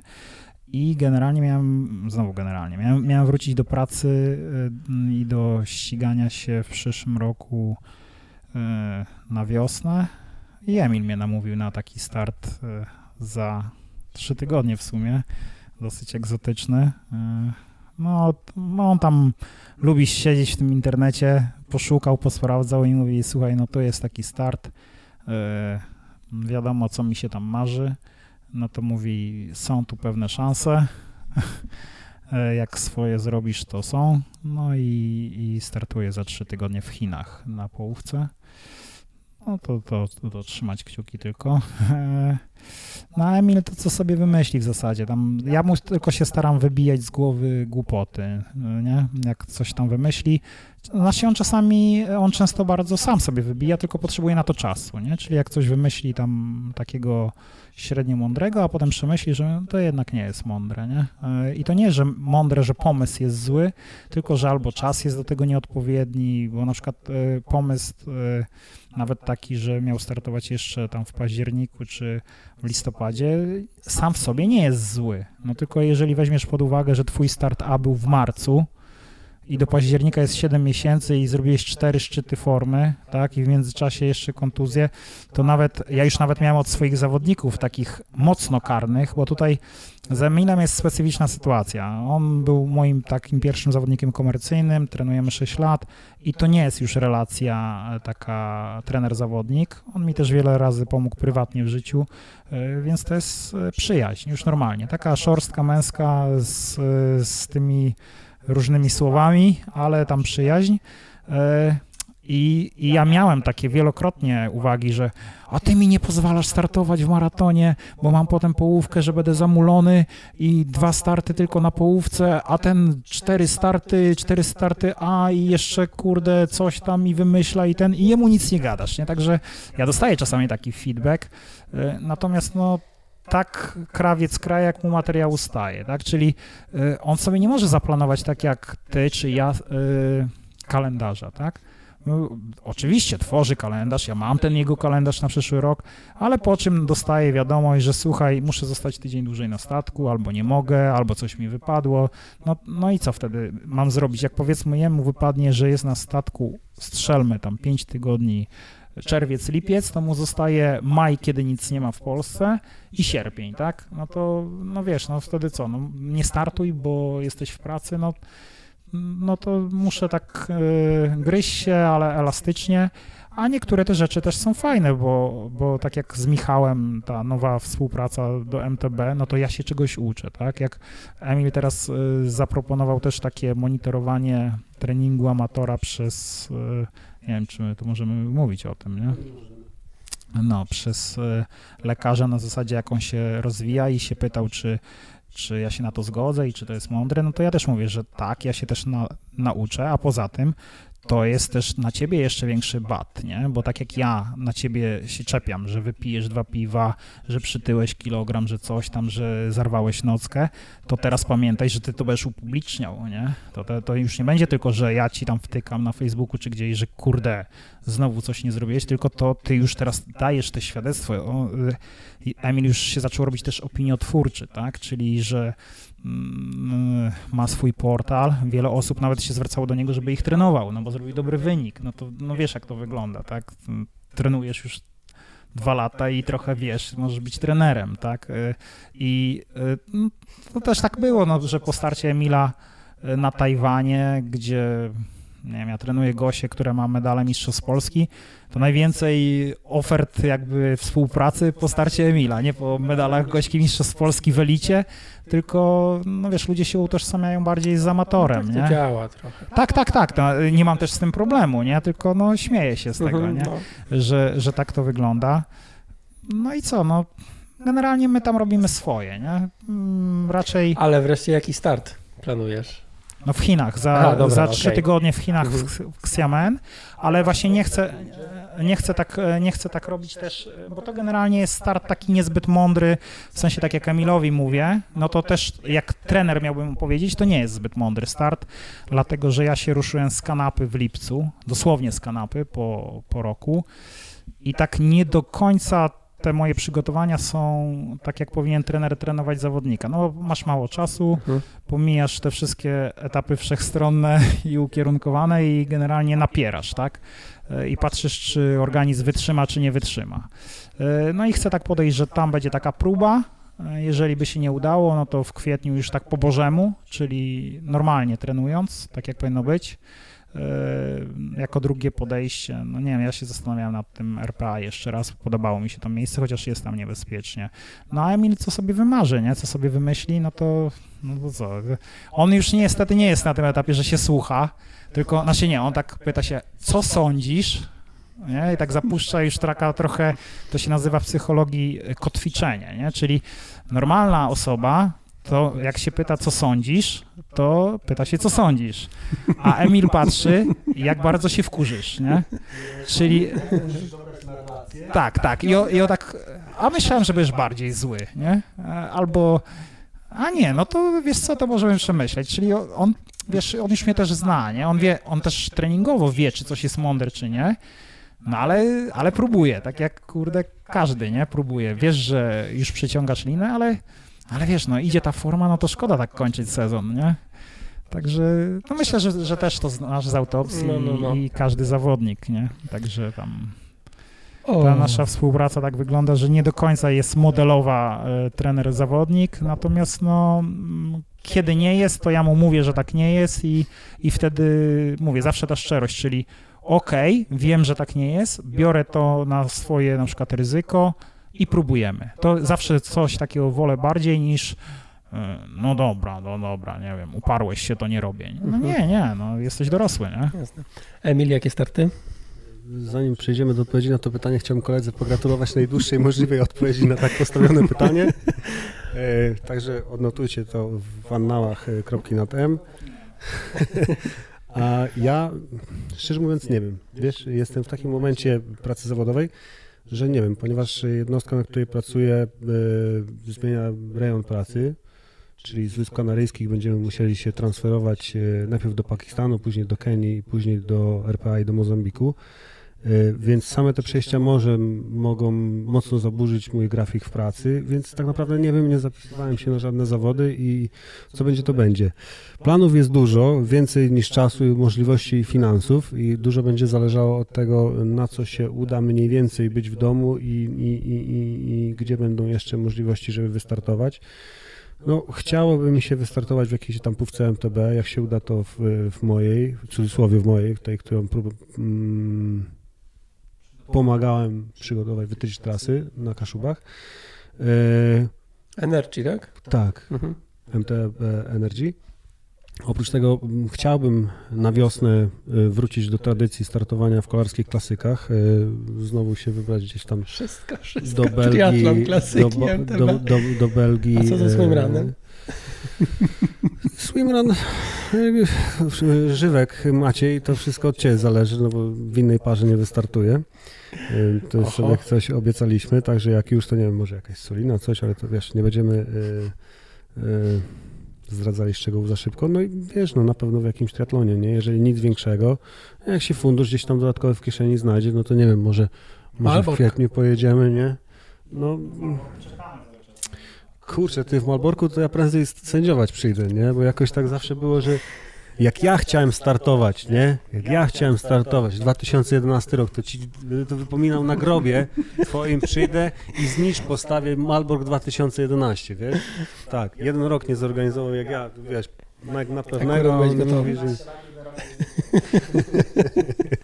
A później przyjeżdżałem sędziować, nie? No wiesz, na gacie popływać, no kto by nie chciał, nie? Jak będę w domu, no w tym roku już znowu nie byłem, ale jak będę w domu, to na pewno chciałbym wystartować tutaj yy, w Malborku. No, co będzie, to będzie, nie? Dobrze. Co będzie, to będzie. Myślę, że już kończymy. Trochę rozmawiamy, to będzie najdłuższy odcinek. Yy, się, nie? nie tniemy. No, odpowiedź Wanieskiego przecież z tym startem to pół godziny mniej. Oj. W każdym razie wielkie dzięki za rozmowę. To Kupę my dziękujemy. porad. Dziękujemy, Dziękujemy pozdrawiamy. Ja pozdrawiam też. I no to do zobaczenia z w tym. Malborku wtedy. Hejka. Do zobaczenia. I to wszystko. Wielkie dzięki za odsłuchanie tego odcinka do końca. Kawał, kawał, wielki kawał rozmowy. E, dwie godziny, bardzo dużo czasu, ale no myślę, że każdy wyłowił bardzo dużo, wiele ciekawostek, e, nie tylko odnośnie Norsemana, jeśli ktoś na przykład zupełnie go nie interesuje Norseman, nie chce tam startować, ale nawet na płaszczyźnie e, współpracy trener-zawodnik myślę, że dużo, dużo ciekawostek można było mm, z tego odcinka wynieść. Ja nie będę przedłużał, tylko wspomnę o dwóch ważnych dla mnie rzeczach. Pierwsza to e, lista mailingowa. Niedługo, znaczy niedługo, w najbliższym, w roku 2019, na początku roku 2019 planuję pewne nowe działania, zupełnie nowe działania dla mnie i będę o nich informował drogą mailową. Dlatego jeśli w jakiś sposób Ciebie zaciekawiłem, to wejdź na ironfactory.pl i na samym dole tej strony, na samym dole bloga jest takie okienko na wpisanie swojego imienia oraz maila. Uzupełnij to i zapisz się do listy mm, newsletterowej mojej.